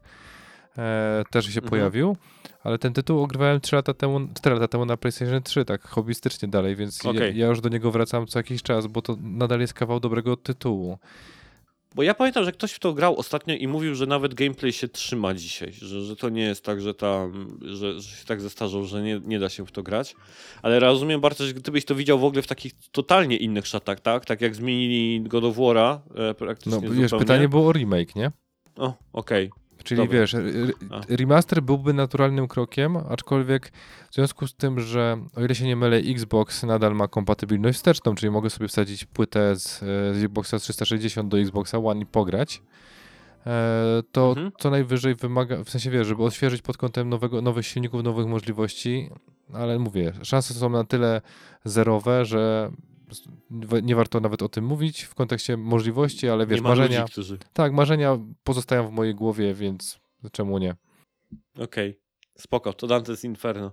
Um, Devi, twój pierwszy tytuł do To, też odświeżenia. zwana Anną. Tak, Devi zwana Anna. No. Nie pamiętam, kto, kiedy Tomasz ostatni raz się do mnie zwracał po pseudonimie. Zawsze mówi do mnie po imieniu. Co ty mówisz, tak? No O i kurczę. tak, co tu się zadziało? O kogo? O Co kogo tu on się pyta? stało?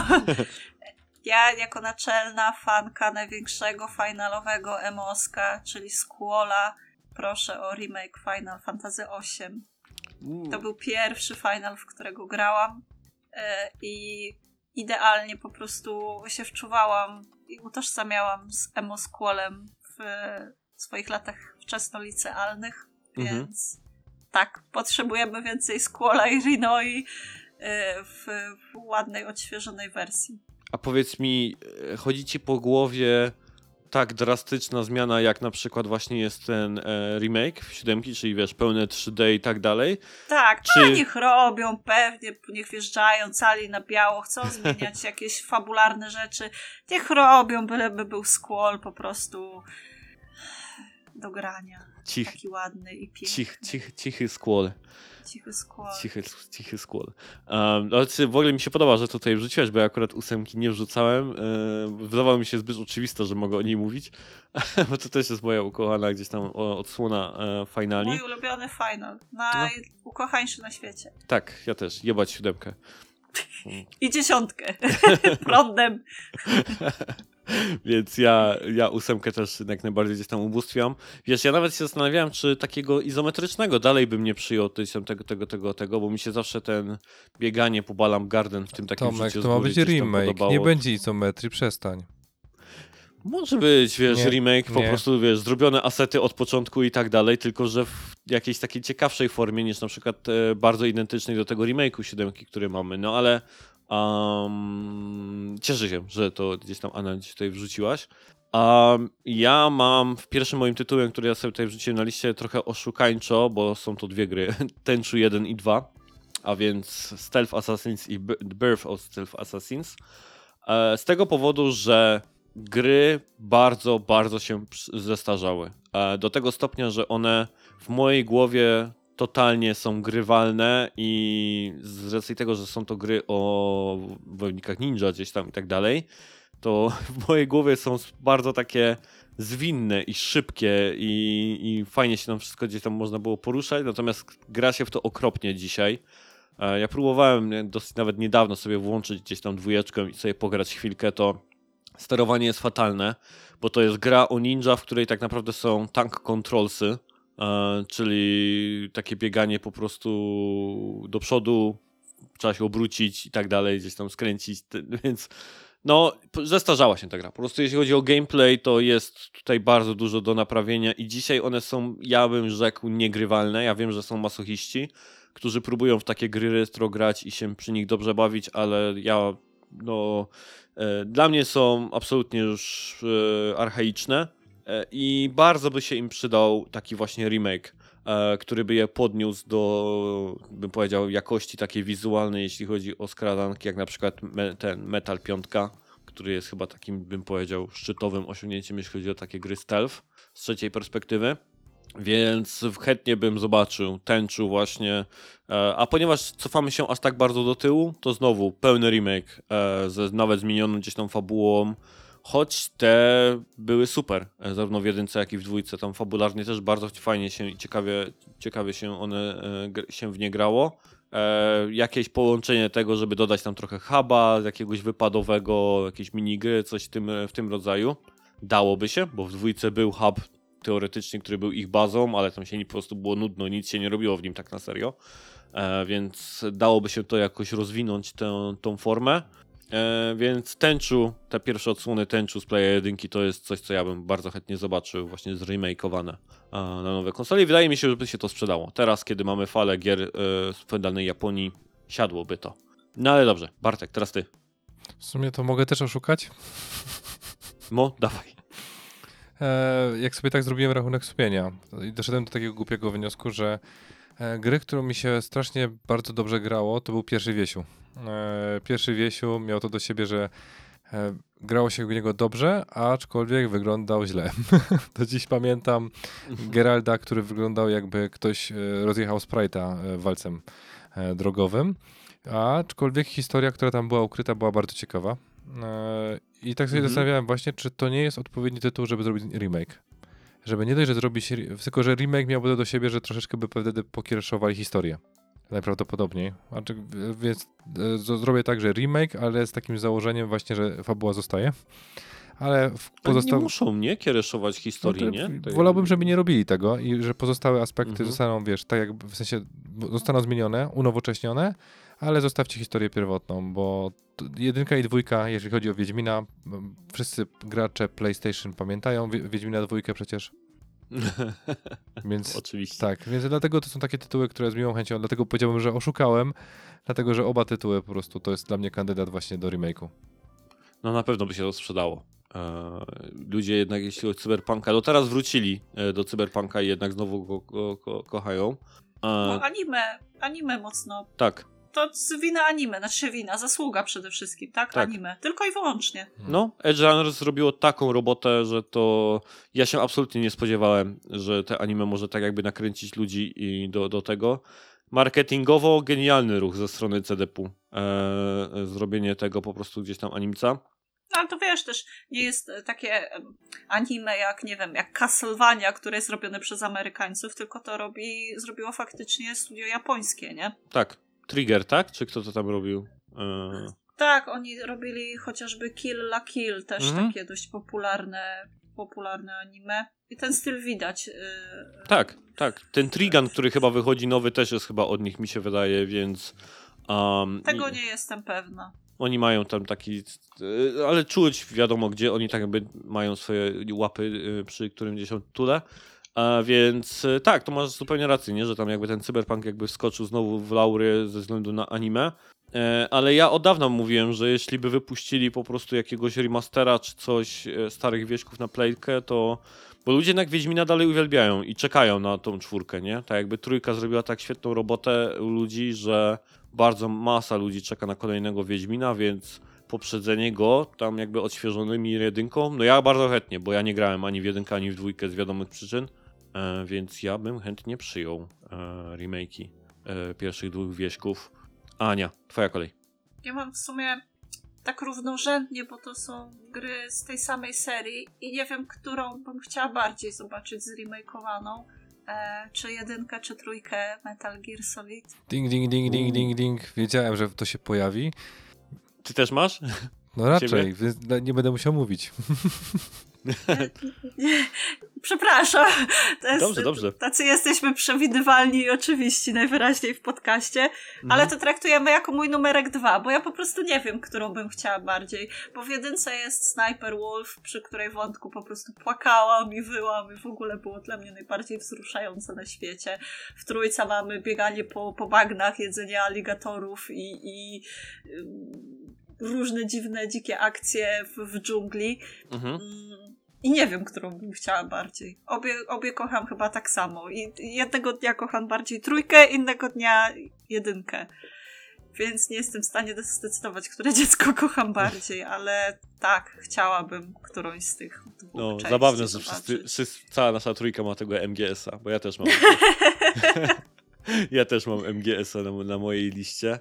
A Bartek, e, ty może e, od swojej strony, dlaczego byś widział jakby remake tego? Co tak jakby najbardziej chciałbyś zobaczyć? Eee, odświeżone? Powiem ci tak, ja, ja mam ten problem mm, z tym, że po prostu dla mnie jest zbyt archaiczne e, sterowanie w niektórych wypadkach, żeby do niektórych tytułów wrócić, nie? I to poniżej trójki. Mhm. e, lub nawet do tych adaptacji, które pojawiły się potem na PS3 w tym takim, nazwijmy to remasterowym wydaniu. E, to po prostu Mhm. ono, wielokrotnie podchodziłem, czyli dwa razy. To już się chyba ap- aplikuje pod wielokrotnie, natomiast jest ono tak na tyle archaiczne, że ja bym z miłą chęcią zobaczył to wszystko w nowej odsłonie, chociaż wszyscy wiemy, jaka jest na to szansa, nie? że remake raczej nie pyknie, bo pewien pan o imieniu HK e, to już tam Hideo Kociapko. nicht, nicht arbeiten in the house, więc e, muszą sobie, że tak powiem, Pacinko kolejne. tak, Pacinko pacinko co kolejne w Konami i cztery części, no, nowe odsłony Silent Hilla, mm, co najwyżej. E, no nie, nazwijmy rzecz po imieniu, właśnie remake wtedy, kiedy byłby Kojima. To miałoby wtedy sens. No, e, To, to jest jakby, wiesz, dla mnie gwarancja fajnego tytułu, e, ale jeżeli chodzi o remaster i wiesz, dostosowanie tego do nowych konsoli, nowego engine'u, to już możemy popłynąć troszeczkę bardziej, bo ja bym widział to, że faktycznie odświeżyli sterowali, odświeżyli pewne elementy, ale nie naruszając tego, co było w najlepsze w tych wszystkich grach, nie? Że czasami nawet, tak jak pokazane było w przypadku Demon Soulsów, czyli że przeniesienie niektórych błędów ma nadal sens. Tak, i właśnie ja chciałem powiedzieć, że nawet bez Kojimy by się to udało, e, bo mógłby do tego usiąść Bluepoint, a, a, że, a, a przecieki o tym, że oni pracują nad tym MGS-em, to już ja słyszę od kilku lat, że tak naprawdę w Bluepoincie się coś dzieje, jeśli chodzi o ten remake tego pierwszego MGS-a, e, więc e, ja bym tego zupełnie gdzieś tam nie wykluczał. Ja mam tym taki, ja, ja mam z tym tytułem taki problem, że ja bardzo chętnie bym zobaczył właśnie odświeżonego ze względu na to, że po prostu ta gra już jest stara i dziś nowi gracze, bardzo chętnie bym chciał, żeby ludzie w to zagrali i poznali tą grę. Natomiast ja się zastanawiam, gdzieś mam z tyłu głowy, czy ona byłaby dla nowych graczy tak samo przełomowa, jak była dla nas e, Znaczy, wtedy. potrzebujesz tej odpowiedzi, czy potrzebujesz usłyszeć słowo nie? potrzebuję usłyszeć słowo nie. Z tego względu, że i największą wartością tego było tytułu to, że to był taki przełomowy moment, jeśli chodzi o opowiadanie fabuły w, w grach, e, przełamywanie czwartej ściany. Tam była masa tych nawiązań, kiedy albo ta mailing, czy jak ona się nazywała, ta, ta pani medyczka gdzieś tam w, w kodeku. E, nie wiem, czy pamiętacie to, ale tam była ta scena tortur, a potem powiedziała, żeby sobie położyć DualShocka na ręce, którą tam naparzaliśmy w kwadrat i, i teraz ona będzie wibrować i będzie nam masować rękę. Co było strasznie po prostu, no takim tylko Kojima mógł gdzieś tam na to wpaść, ale tam było dużo tego rodzaju gdzieś tam rzeczy w tej grze, e, które były, ponieważ były robione pierwszy raz i były nowatorskimi rzeczami, to tak by właśnie to było siłą tego tytułu. No i właśnie, ja bym chciał zobaczyć to w odświeżonej formie, ale z drugiej strony się zastanawiam, co by musiało być zrobione, żeby ta gra dalej miała tak jakby ten sam wydźwięk, żeby dalej była taka nowa, ten przełomowa i, i zebrała wysokie oceny i, i etc., nie? I też kolejną rzeczą, o której zacząłem się, jak, jak wypisałem go tutaj na, w moim dokumencie, zacząłem się nad tym zastanawiać, czy, czy w ogóle design tej gry, który Kojima sobie rozpisywał na kartkach, e, tam w zeszytach, tam powiedzmy w kratkę, tak, bo tam poziomy były bardzo tak jakby takie kwadratowe, tak, wszystkie korytarze, lokacje, przeszkody, to wszystko dało się umieścić po prostu na papierze milimetrowym i sobie tak rozpisywać gdzieś te poziomy i on tak sobie gdzieś tam projektował. czy projekt tej gry w ogóle nadaje się do absolutnie gdzieś tam odświeżonej formy, na przykład w 3D. Bo nie wiem, czy pamiętacie, że był już yy, remaster czy remake tej gry na GameCube. Nie wiem, czy graliście w niego, ten Twin Snakes. Twin Snakes. Nie, nie gram. Kojarzę, wiem, że to było, ale... I ten remake został absolutnie zepsuty. Został zepsuty, ponieważ zostawiono cały game design lokacji, e, starć i tak dalej, tak jaki był, i dorzucono na, do niego na przykład strzelanie z pierwszej perspektywy. Co absolutnie e, z metala dwójki, co zupełnie zepsuło tą grę. Tak naprawdę wszystkie encantery, wszystkie lokacje i tak dalej zupełnie inaczej można było e, teraz przechodzić i nie było wyzwania. Wszystko było za łatwe, zbyt proste. Tam też był ten mechanika e, chyba uderzania jakichś kopniaków w powietrzu i tak dalej, co też spowodowało, że jeżeli nie dostosowano do tego designu całej gry, to one łamały po prostu grę, nie? Tak by psuły ją. No i się właśnie zastanawiam teraz tutaj. E, strasznie ciekawe zadanie bym miał, nie? Gdybym miał usiąść z jakimś zespołem i zastanowić się po prostu, jak tą grę zrobić na nowo, żeby jednak ją zachować jak najbardziej, ale żeby też ją jak totalnie zmienić, bo nie da się jej zrobić przy takim e, przy takiej architekturze, przy takich fundamentach, żeby zrobić ją w odświeżonej formie. Nie wiem. Bym powiedział, trudne zadanie. E, nie wiem, czy przekombinowuję to, czy, czy coś z tego, co powiedziałem, ma dla was sens. E, Bartek kiwa głową, że nie. Znaczy nie, że przekombinowujesz, nie? Ale to jest taka twoja rola w tym podcaście. Okej. E, Dobrze, ostatni, ostatnim tytułem, który chyba tutaj powiemy, no bo to właściwie jest e, MGS-a mieliśmy wszyscy, e, to jest Ace Combat 3 Electrosphere. Chyba już o nim nieraz mówiłem na, na podcaście. Tej wersji japońskiej, zaznaczam, której nigdy nie wyszła e, na zachodzie. Samoloty! Tak, ponieważ tam była w wersji japońskiej była fabuła, my tego na zachodzie nigdy nie mieliśmy, były cutsceny, było dwa razy więcej misji i zrobienie tego wszystkiego w wizualnym stylu siódemki, właśnie tego najnowszego Ace Combata, to byłoby naprawdę sztosem, e, bo ta gra była mega ciekawa, a też już jest po prostu stara. Więc bardzo proszę, e, tutaj Project Aces, jakby wyszedł remake trójeczki Ace Combata, i o innych y, y, częściach, które są równie fajne, nie muszą pamiętać, ale to go powinni odświeżyć. Bo tak jak mówię, my na zachodzie nigdy nie dostaliśmy tej wersji, która jest totalnie inna niż, ten, niż ta trójeczka dostępna u nas. A, to absolutnie inna. Ja mam jeszcze trzy gry. Mm. E, A ja mówiłem tylko, żeby trzy, tak? Wiem, ale ja żeby- nie, nie, nie, ja słyszałem trzy na Sony. Nie hamowałeś się? Nie hamowałem się. W sensie i tak krótko tylko wspomnę po prostu o innych grach, które mam. To dawaj, szybkie Eee, trzy strzały. Zas- jedno powinno być zaskoczeniem przynajmniej. Ogólnie rzecz biorąc, zacznę od końca. Max Payne, jedynka i dwójka, e, jakby się pojawiły, e, ale w, w zapomnieniu o trójce. Czyli wiesz, trójka poszła w zupełnie innym kierunku, ja bym chciał jednak ten klimat zachować z jedynki dwójki. E, Fable 3 albo dwójka, żeby się pojawiły praktycznie, dlatego że jakby Microsoft zapomniał w ogóle o Fable w kontekście takim, jak to było zrobione. I Fable 3 jest jeden z moich ulubionych tytułów, który łączy naprawdę dużo elementów e, ze sobą, na przykład niespierdolony ten end, e, endgame, czy tam ostatni po prostu, ostatnia walka, w której trzeba, by, można było to bez sensu skrócić i jednym strzałem zakończyć wszystko. Kompletnie bez sens. A Fable 3 miało to do siebie, że właśnie i była ekonomia od pewnego momentu, i były fajne historie, i było kopanie w dupę kurczaków, jak w karty faktycznie grze autorstwa tego pana. E, I trzeci tytuł to jest Sunset Overdrive. E, to jest coś, co faktycznie. Przy, nie, nie mówimy tutaj o, pewnie o remake'u pełnym, ale o wydaniu e, Mm. tego na Soniacza, skoro i tak Insomniac wiadomo do kogo należy. I to są jakby tak, na- nazwę to honorable mentions. A do kogo Sunset Overdrive należy, jeśli chodzi o IP? To jest Insomniaka czy Microsoftu Mm, własność? W chwili obecnej nie jestem pewien. Na pewno należał wcześniej do Microsoftu. Bo Insomniac dla nich to robił, No ale oni to jakoś odkupili, albo Sony to jakoś odkupiło, albo to jest w przestrzeni A, niejasnej. było, że, maj, że tak, tak, tak, że Insomniac to odkupił faktycznie.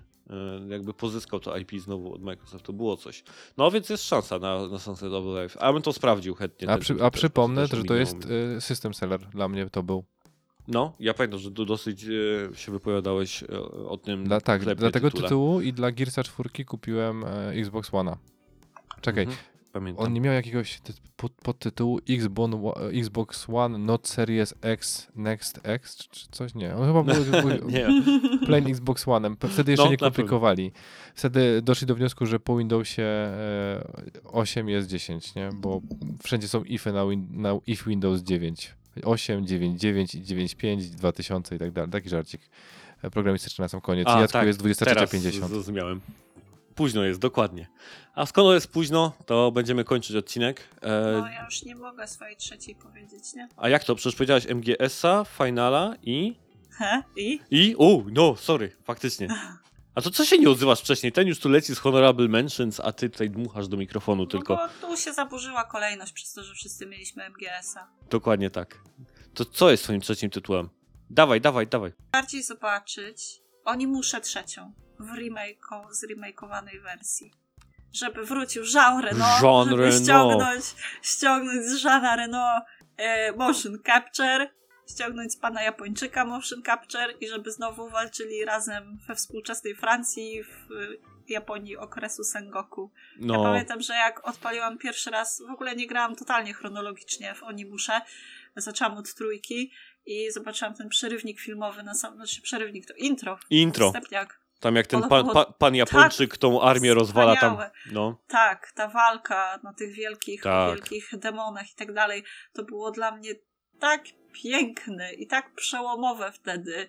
no. E, mimo, że ja Playa dwójkę dostałam bardzo późno, to już tam powoli wszyscy myśleli o trójce, a ja się wciąż zachwycałam tym, jak to pięknie wygląda na dwójce i że wow, takich rzeczy się nie robiło kiedyś, nie? Bo mało kto, mało kto takie e, przerywniki w ogóle robił, no.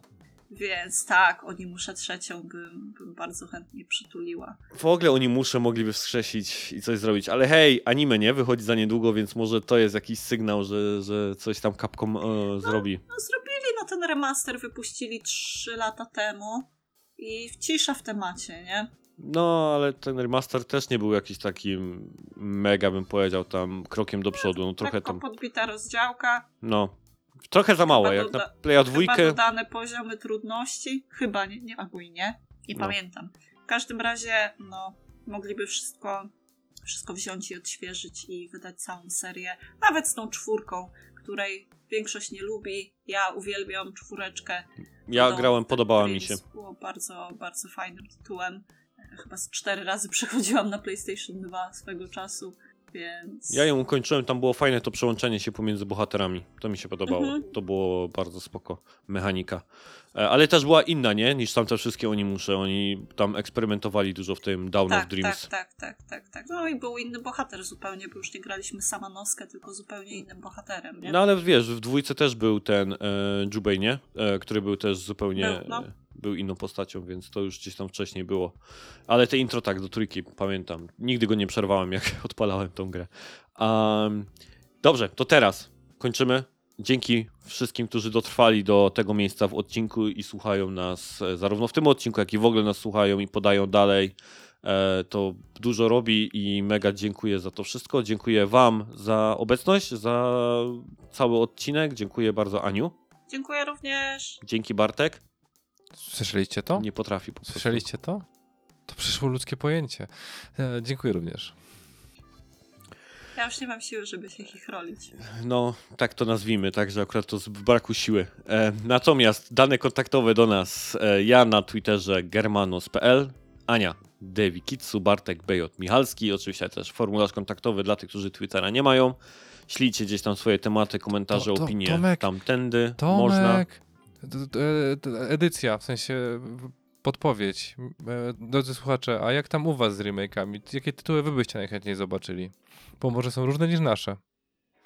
Tak. Ja bardzo chciałbym ten odcinek skończyć, bo jest późno. Pa, cześć. No, ale dajcie i tak znać, pomimo tego, że Tomek go zakończył wcześniej niż... Tak, tak, piszcie, tak, tak. Jezu, No, to- cześć, ja, na razie. Ja nie wiem, jak my egzystujemy. My- Mamy słuchaczy, w ogóle o nich Ania już dbamy. śpi, słyszysz jak ona harczy ten mikrofon? Przecież ona już zasnęła.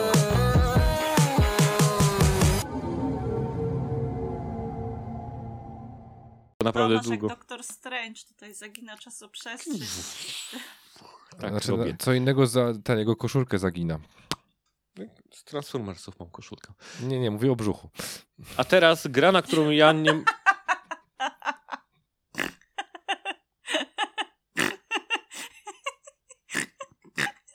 Chciałem powiedzieć, że o grawitacja zagina, ale moglibyście nie chycić tego dowcipu, więc musiałem powiedzieć prosto.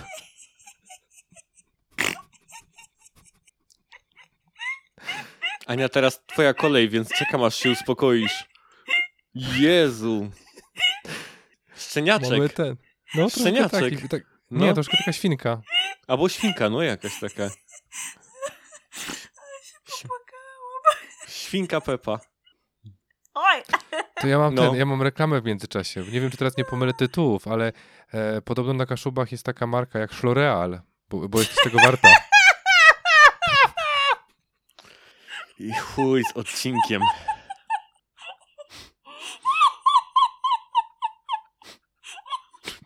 Coś ty zrobił, chłopie. Zepsułeś Anię. Ty to może Bartek, ty mów, opowiadaj o tym Supralandzie, bo Ania nie dojdzie do siebie tam powiedzmy w ciągu najbliższych pół godziny.